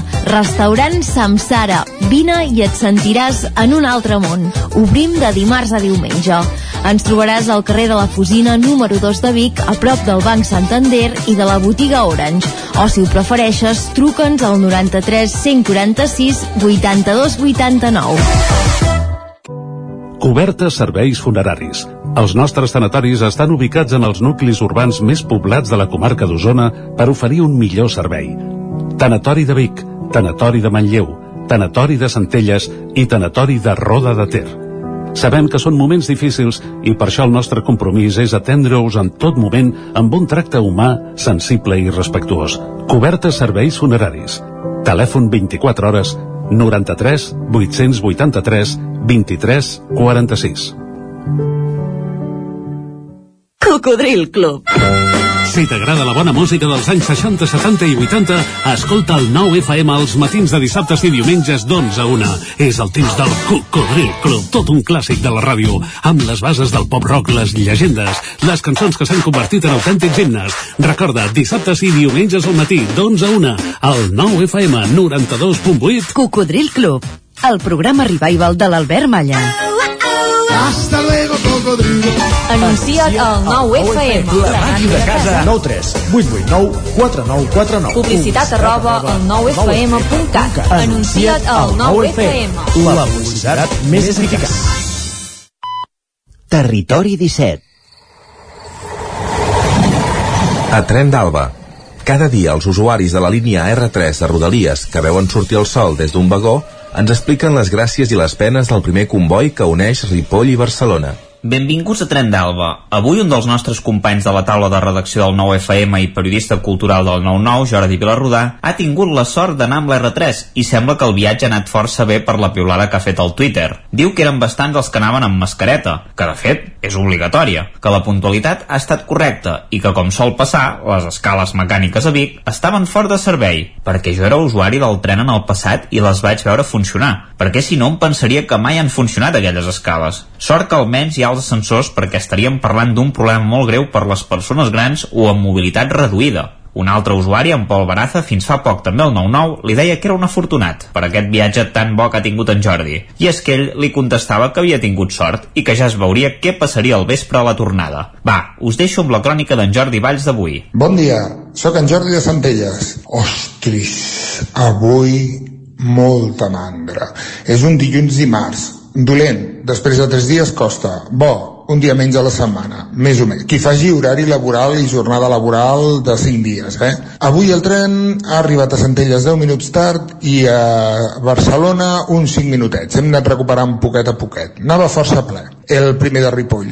Res, avui el tema sobretot és als finals de curs aquests que acaben sisè o ESO, batxillerat ja van per un altre aire, que fa això de la graduació que no ho he entès, això de la graduació és si fas un grau, però bueno, cap problema. Però sí, sí, tela, eh, tela amb això de sisè, la festa, coordinar-se, les fotos el no sé què, sembla una boda és més complicat que un casori. Tela, potser ens ho hem de fer mirar, eh, jo no recordo tant, tantes històries. Això de que els nens no es veuran mai més si són del mateix poble tots i totes i es veuen després o al futbol, o al bàsquet o a la dansa, o en sigui. No sé, els pares i mares estem una mica tocats de l'ala, la veritat, ens ho hauríem de fer veure. Res, converses d'aquestes de, oh Déu meu, quina mandra. Bàsicament això. Vinga, cuideu-vos molt i que una Renfe o Rodalies qualsevol no us espatlli la màgia del tren. Adéu-siau. Sempre està bé arribar als finals de curs. Ara és el moment en què molts alumnes també fan el viatge de final de curs. Alguns aniran a Madrid, altres a París, altres a Londres i alguns a Roses i Salou, que potser són més a prop però tenen platja i segur que ens ho peguen bon temps. Va, Ens retrobem demà amb més històries del tren i de l'R3. Territori, Territori 17. 17. Territori 17.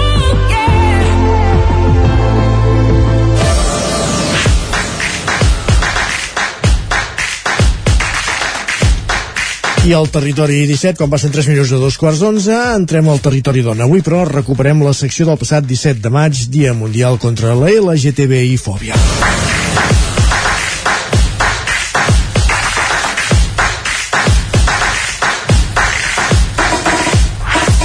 3 minuts que passen de dos quarts de 12 al territori 17 és moment del territori dona. Anem de seguida cap a la Ràdio Televisió de Cardedeu per saludar la Maria López en una jornada marcada per diversos últims. Un és aquest, avui que és el Dia Mundial contra la LGTBI fòbia però també és la setmana que s'han regulat les baixes per, per menstruacions doloroses. Maria López, bon dia Bon dia, Isaac. Doncs sí, efectivament arriba un nou territori dona amb aquest ritme de timbals i un territori dona molt carregat i amb moltes ganes de fer tertúlia perquè tenim diversos temes al voltant de la lluita feminista sobre la taula i amb aquesta intenció nostra també de fer obrir els ulls sobre aquells masclismes que molts cops passen desapercebuts i que per desgràcia segueixen calant a la nostra societat.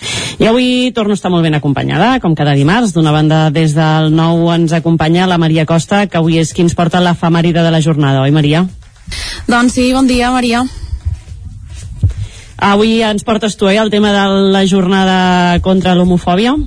Exacte, avui, com deia l'Isaac, és el 17 de maig, dimarts 17 de maig, per tant, això significa que és el Dia Internacional contra la LGTBI-fòbia. Uh, si em permeteu, llancem algunes uh, dades perquè puguem valorar quina és la situació actualment. Són unes dades que va publicar justament ahir l'Observatori contra l'Homofòbia, i és que ha registrat un total de 86 incidències en el primer quadrimestre d'aquest mateix any a Catalunya, que és, atenció, un 50% més que en el mateix període de l'any del 2021, quan se'n van registrar 57. Uh, més dades, els àmbits més freqüents han sigut la violència pública, seguit en segon lloc d'internet, i les xarxes socials, amb un 21% en els dos casos. Pel que fa al tipus de discriminació més uh, registrada, les principals han estat les mostres d'odi i exaltació cap al col·lectiu, però també les agressions físiques que augmenten un 70% respecte al 2021. Doncs importants xifres, ara entrarem a, a debatre amb més profunditat totes aquestes xifres. Avanço també que tenim amb nosaltres a la, a la Susana Cabiscol, que ens acompanya per continuar fent tertúlia avui perquè, a més a més, eh, com ja avançava també l'Isaac, volem posar sobre la taula eh, la nova llei de l'avortament. I és que aquesta nova llei, que segurament ens donarà molts temes a Territori Dona, inclou l'anomenada baixa menstrual, que ha donat molt i molt a parlar a les xarxes. Bon dia, Susana, i gràcies per formar part de la tertúlia també. Hola, bon dia. Doncs uh, seguim, Maria, comentant aquestes dades que ens estaves, que ens estaves dient, perquè sembla que lluny de que passi el, el temps i que avancem en, aquest, uh, en aquesta matèria, les xifres continuen sent uh, realment esfereïdores, oi? Maria, doncs, si falem més prim en aquest balanç, el col·lectiu gay ha estat el que més incidència ha patit aquest 2021, 2022, un 41%, seguit del col·lectiu trans amb un 34 4% i també s'han registrat dues incidències de persones eh, bisexuals. Avui, com eh, explicarem ara mateix, ens fixarem en les discriminacions que poden patir les dones trans a través d'un cas personal de la bigatana Fina Campàs. El cas de la Fina, que té 65 anys, és el cas d'una persona trans que ha fet el trànsit cap a dona, això sent una edat més adulta. De gran, segons explica ella mateixa, el seu trànsit va ser totalment caòtic. Quan era petita sí que socialitzava com a home i evidentment no sabia doncs què, què li passava en la més absoluta clandestinitat, evidentment nascuda al 1957, el que feia era doncs vestir-se amb roba més femenina. Abans la roba tenia molt més gènere que malauradament que ara i per exemple ella explica doncs que petites situacions quotidianes doncs com es maquillava al lavabo. Ella mateixa explica que socialitzava com a home perquè ella identificava que ho havia de fer perquè els seus genitals eren els d'un noi parla de que va posar la seva identitat de gènere en un calaix, en un estat d'invernació, fins que en una edat molt més adulta ho va haver d'afrontar. I si parlem de, pròpiament de discriminació, un trànsit d'una persona trans d'home a dona és més evident, cosa que al revés és pràcticament invisible. El primer pas, per exemple, una de les discriminacions que poden rebre a través de la veu. Quan el procés hormonal es fa de jove, el canvi de veu pot ser invisible, però en el cas de la Fina, com hem dit, no va ser així i assegura que en entrevistes de feina malauradament això li ha jugat una mala passada, però no només en aquest àmbit. Per exemple, en l'àmbit social, la Fina parla de situacions eh, discriminatòries molt concretes, si us sembla, l'escoltem. organitzacions del 8 de març, el Dia de la Dona, si no són en manifestacions en concret que hi hagin organitzacions que es declarin trans inclusives, veureu alguna persona trans. Però us vull fer fem el viatge i anem a aquelles manifestacions que són les oficials. I que els partits respectius doncs, van dient que són i que exerceixen un, un feminisme inclusiu. Jo us faig, feu la prova de veure quantes dones trans trobeu amb, amb imatges del 8M oficials. Quantes n'hi ha? jo diria, jo no n'he trobat. Això té una, té una projecció a lo que és la sociabilització com a dona trans a dintre de tot el teu espectre social que tu tinguis. I si ja tenim perjudicis, això el que fa és que encara els hi dona, o sigui, es retroalimenten, encara els dona més gasolina. Estarem d'acord o no que en un parador com és una manifestació pot ser a la vegada molt referent per moltes persones que ja siguin, eh, que hagin fet ja el trànsit i que evidentment són trans des de que van néixer. Encara hi podem eh, afegir eh, un nou ingredient. Parlem, per exemple, de la comarca d'Osona, on antigament no hi havia potser l'obertura social que hi ha ara mateix, eh, perquè ser trans anys enrere o avui en dia mateix a Barcelona Barcelona i a Vic són dues realitats evidentment molt diferents. Ho explica d'aquesta manera la Fina dir categòricament que Barcelona és transfriendly, doncs home, doncs sí, comparat amb altres, potser amb altres llocs de, del que seria la Catalunya interior. Però tot i així, estem parlant, diguéssim, que l'acceptació entre, diguéssim, el que serien els esquemes eh, estructurals del, de les, dels prejudicis. Llavors, és clar, els perjudicis a Barcelona, com que és una àrea metropolitana molt cosmopolita, tenen un efecte, però potser quan vens cap aquí a la comarca, aquests perjudicis tenen uns altres efectes. Llavors aquí, aquí és on hi ha, diguéssim, aquesta espècie, diguéssim, de, de, de, de dues velocitats, o tres velocitats, si es voldria, amb l'encaix de la persona trans a dintre del seu territori de, de, de, que viu, no?, on, on ha nascut, per dir alguna cosa. Noies, i aquí, si us sembla, um, hi ha un ingredient encara més que em sembla molt, molt interessant. En aquesta mateixa conversa hi vam incorporar l'experiència de l'Àlex Font, que és un noi jove trans de Centelles. Evidentment, la generació, l'experiència que ha viscut la Fina respecte a aquest noi són dues generacions molt diferenciades. Um, I que alhora reconeixen, per exemple, que quan una persona trans fa el trànsit de dona cap a home, guanya, en certa manera, privilegis. L'Àlex socialitzava com a dona i ha fet el trànsit cap a home això, tal com ell explica i ara mateix sentirem, ha deixat enrere una motxilla de discriminacions que abans, com a dona socialitzant, no tenia i ara tenia i ara ha, ha perdut. Jo, al ser un noi trans, jo he guanyat els privilegis. Clar. Llavors, situacions de discriminació, si a nivell social, algun cop amb alguna persona en concret, de que et parla en femení expressament perquè eh. sap que allò et, et, et farà mal Exacte però a nivell així general jo tinc l'avantatge aquest sap greu dir-ho que he guanyat tots els no, privilegis no, d'home no? no és cap greu, és, és precisament és el I és, que i és així, sí, llavors sí. no tens tanta por quan vas per, de nit pel carrer a vegades encara en tinc, no? perquè d'alguna manera hi ha el meu inconscient que encara té el, el xip activat però sí que, que notes aquest que de cop dius vaig més tranquil no? o la gent ja no em mira tan malament potser Clar perquè aquí juga molt, no sé si estarem d'acord Àlex, juga molt l'expressió de gènere, aquella expressió de gènere que tu tens aquella fereix sensibilitats en base amb aquells prejudicis. Una altra expressió de gènere dels nois trans, com, a, com diu l'Àlex, no són tan invasives i per tant són més tolerades. Entres dins de l'estereotip d'home i de dona, llavors el, els homes trans quedem com invisibles perquè passem desapercebuts, normalment sí. passem completament desapercebuts a dins de, de la societat. És aquesta invisibilitat que parlàvem. La societat malauradament encara no està prou uh, preparada per um, per aquesta normalització de les persones trans i encara menys um, per una persona que fa un trànsit eh, cap a dones d'una motxilla de privilegis és fort quan els escoltes parlar d'això i que en el cas de l'Àlex, una persona tan jove um, acabi veient malauradament d'una forma positiva que ell ara pot caminar pel carrer tranquil i ho sap perquè malauradament quan socialitzava com a dona ho ha experimentat i la Fina totalment al, al revés i encara més que ha hagut de fer el trànsit ara com a, com a dona gran. Uh, bé, un tema força, força complex i és um, bastant trist, no?, que avui en dia encara haguem de, de parlar d'això, de diferenciar i d'agrair que una persona trans, si fa el procés hormonal de jove, té les coses molt més fàcils uh, avui en dia, i més a més si li sumes que a sobre fa el trànsit cap a, cap a dona.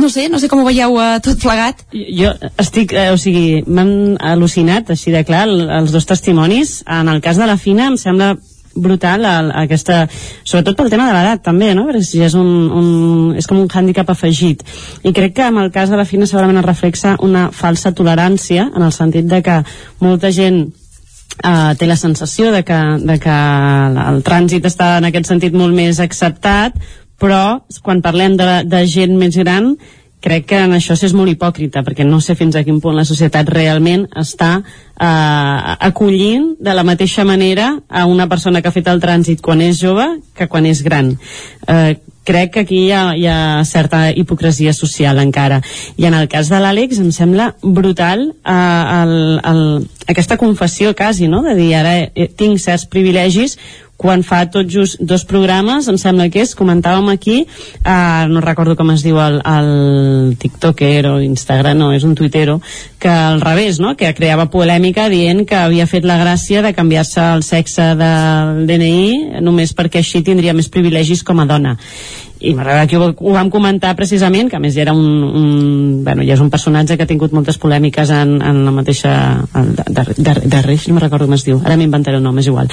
Um, però que, que precisament feia aquesta com gràcia dient sent dona tinc més privilegis, no? Doncs em canvio el sexe, total, ara és tan fàcil que ja està i després tens doncs, testimonis com, el de, com els de l'Àlex que han viscut realment aquest canvi de sexe i poden dir obertament vaig pel carrer més tranquil.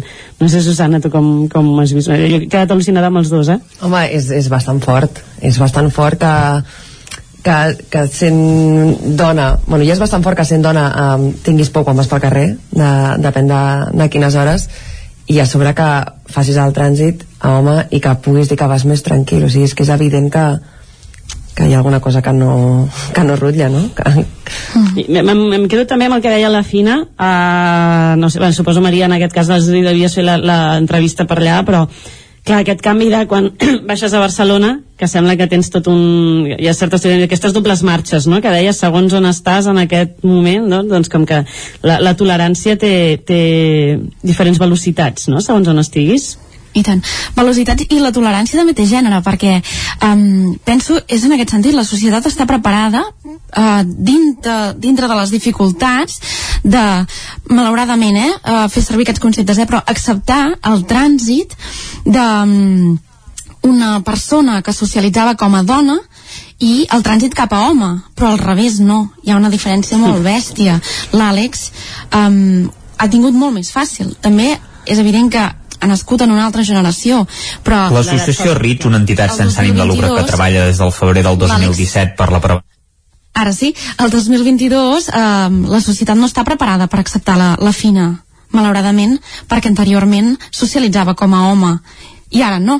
En canvi, la societat està una mica més preparada, sí, per fer-ho amb l'Àlex. Cap i a la fi són dues persones trans. Això només... 40. I, i influeix la identitat de gènere i tant gairebé ah, el 50 no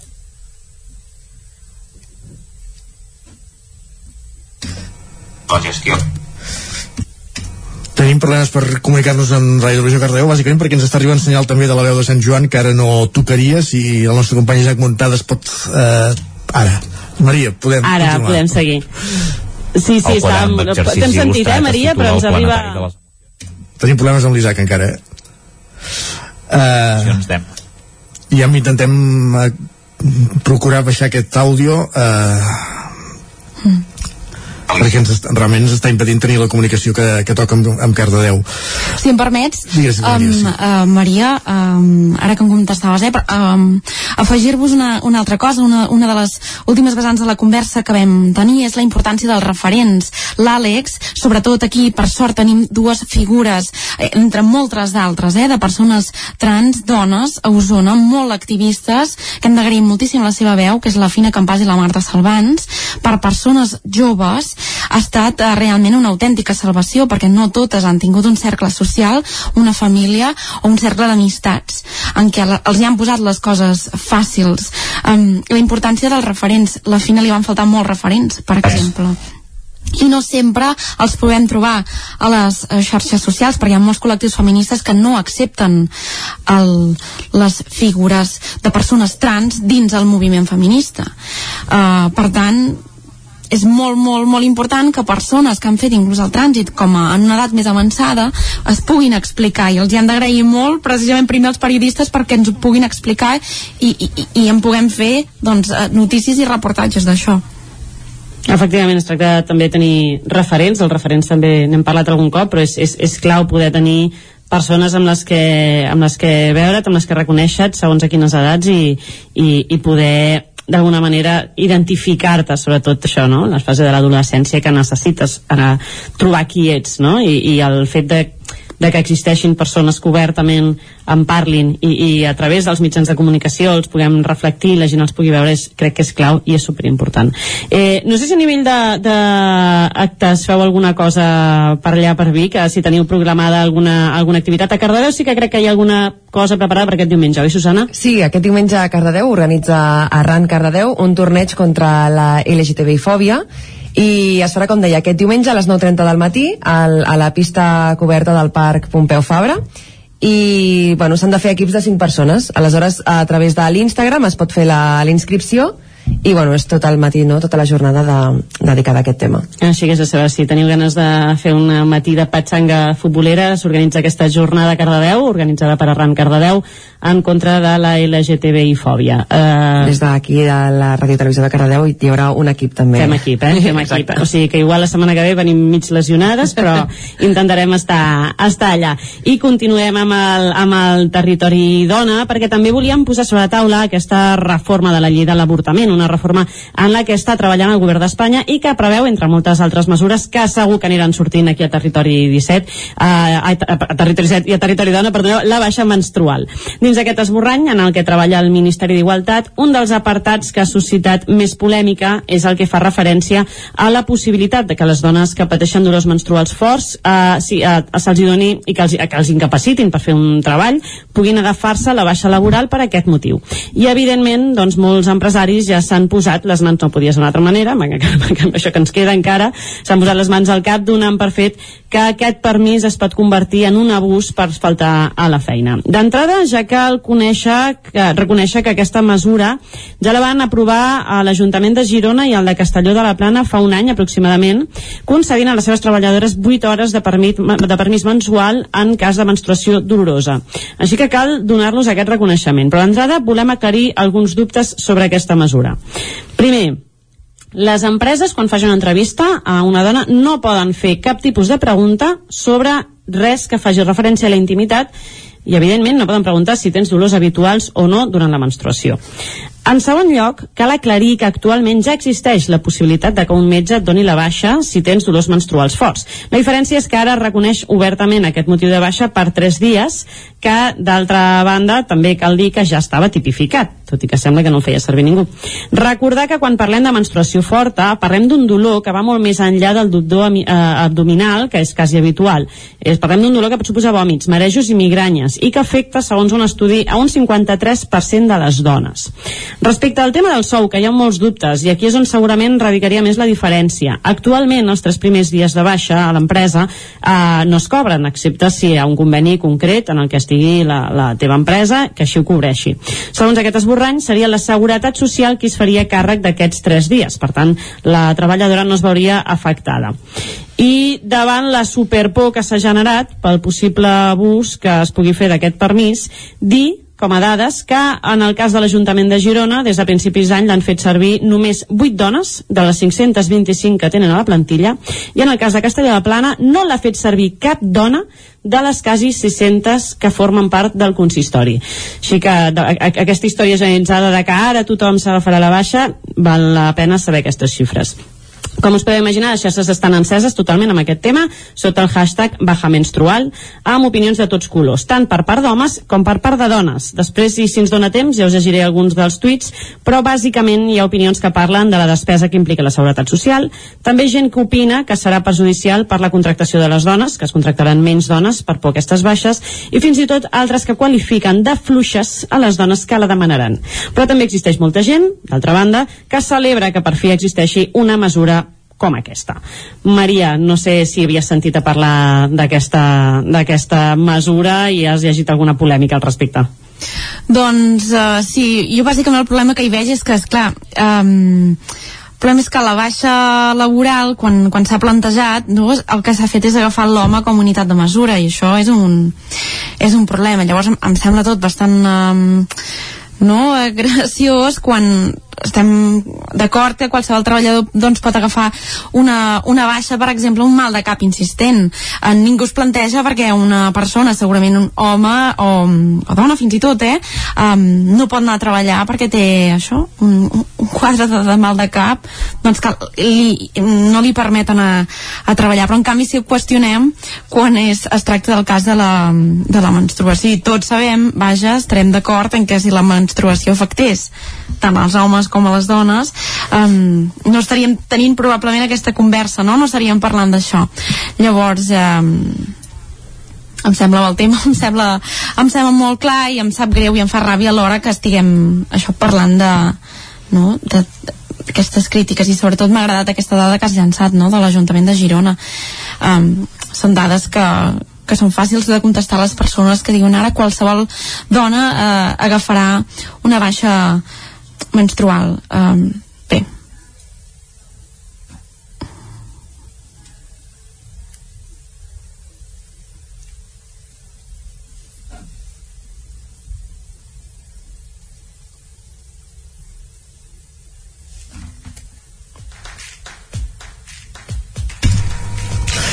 Maria, sembla que hem perdut la comunicació. La regla ara, i li... Ara, t'havíem perdut, Maria. Torni.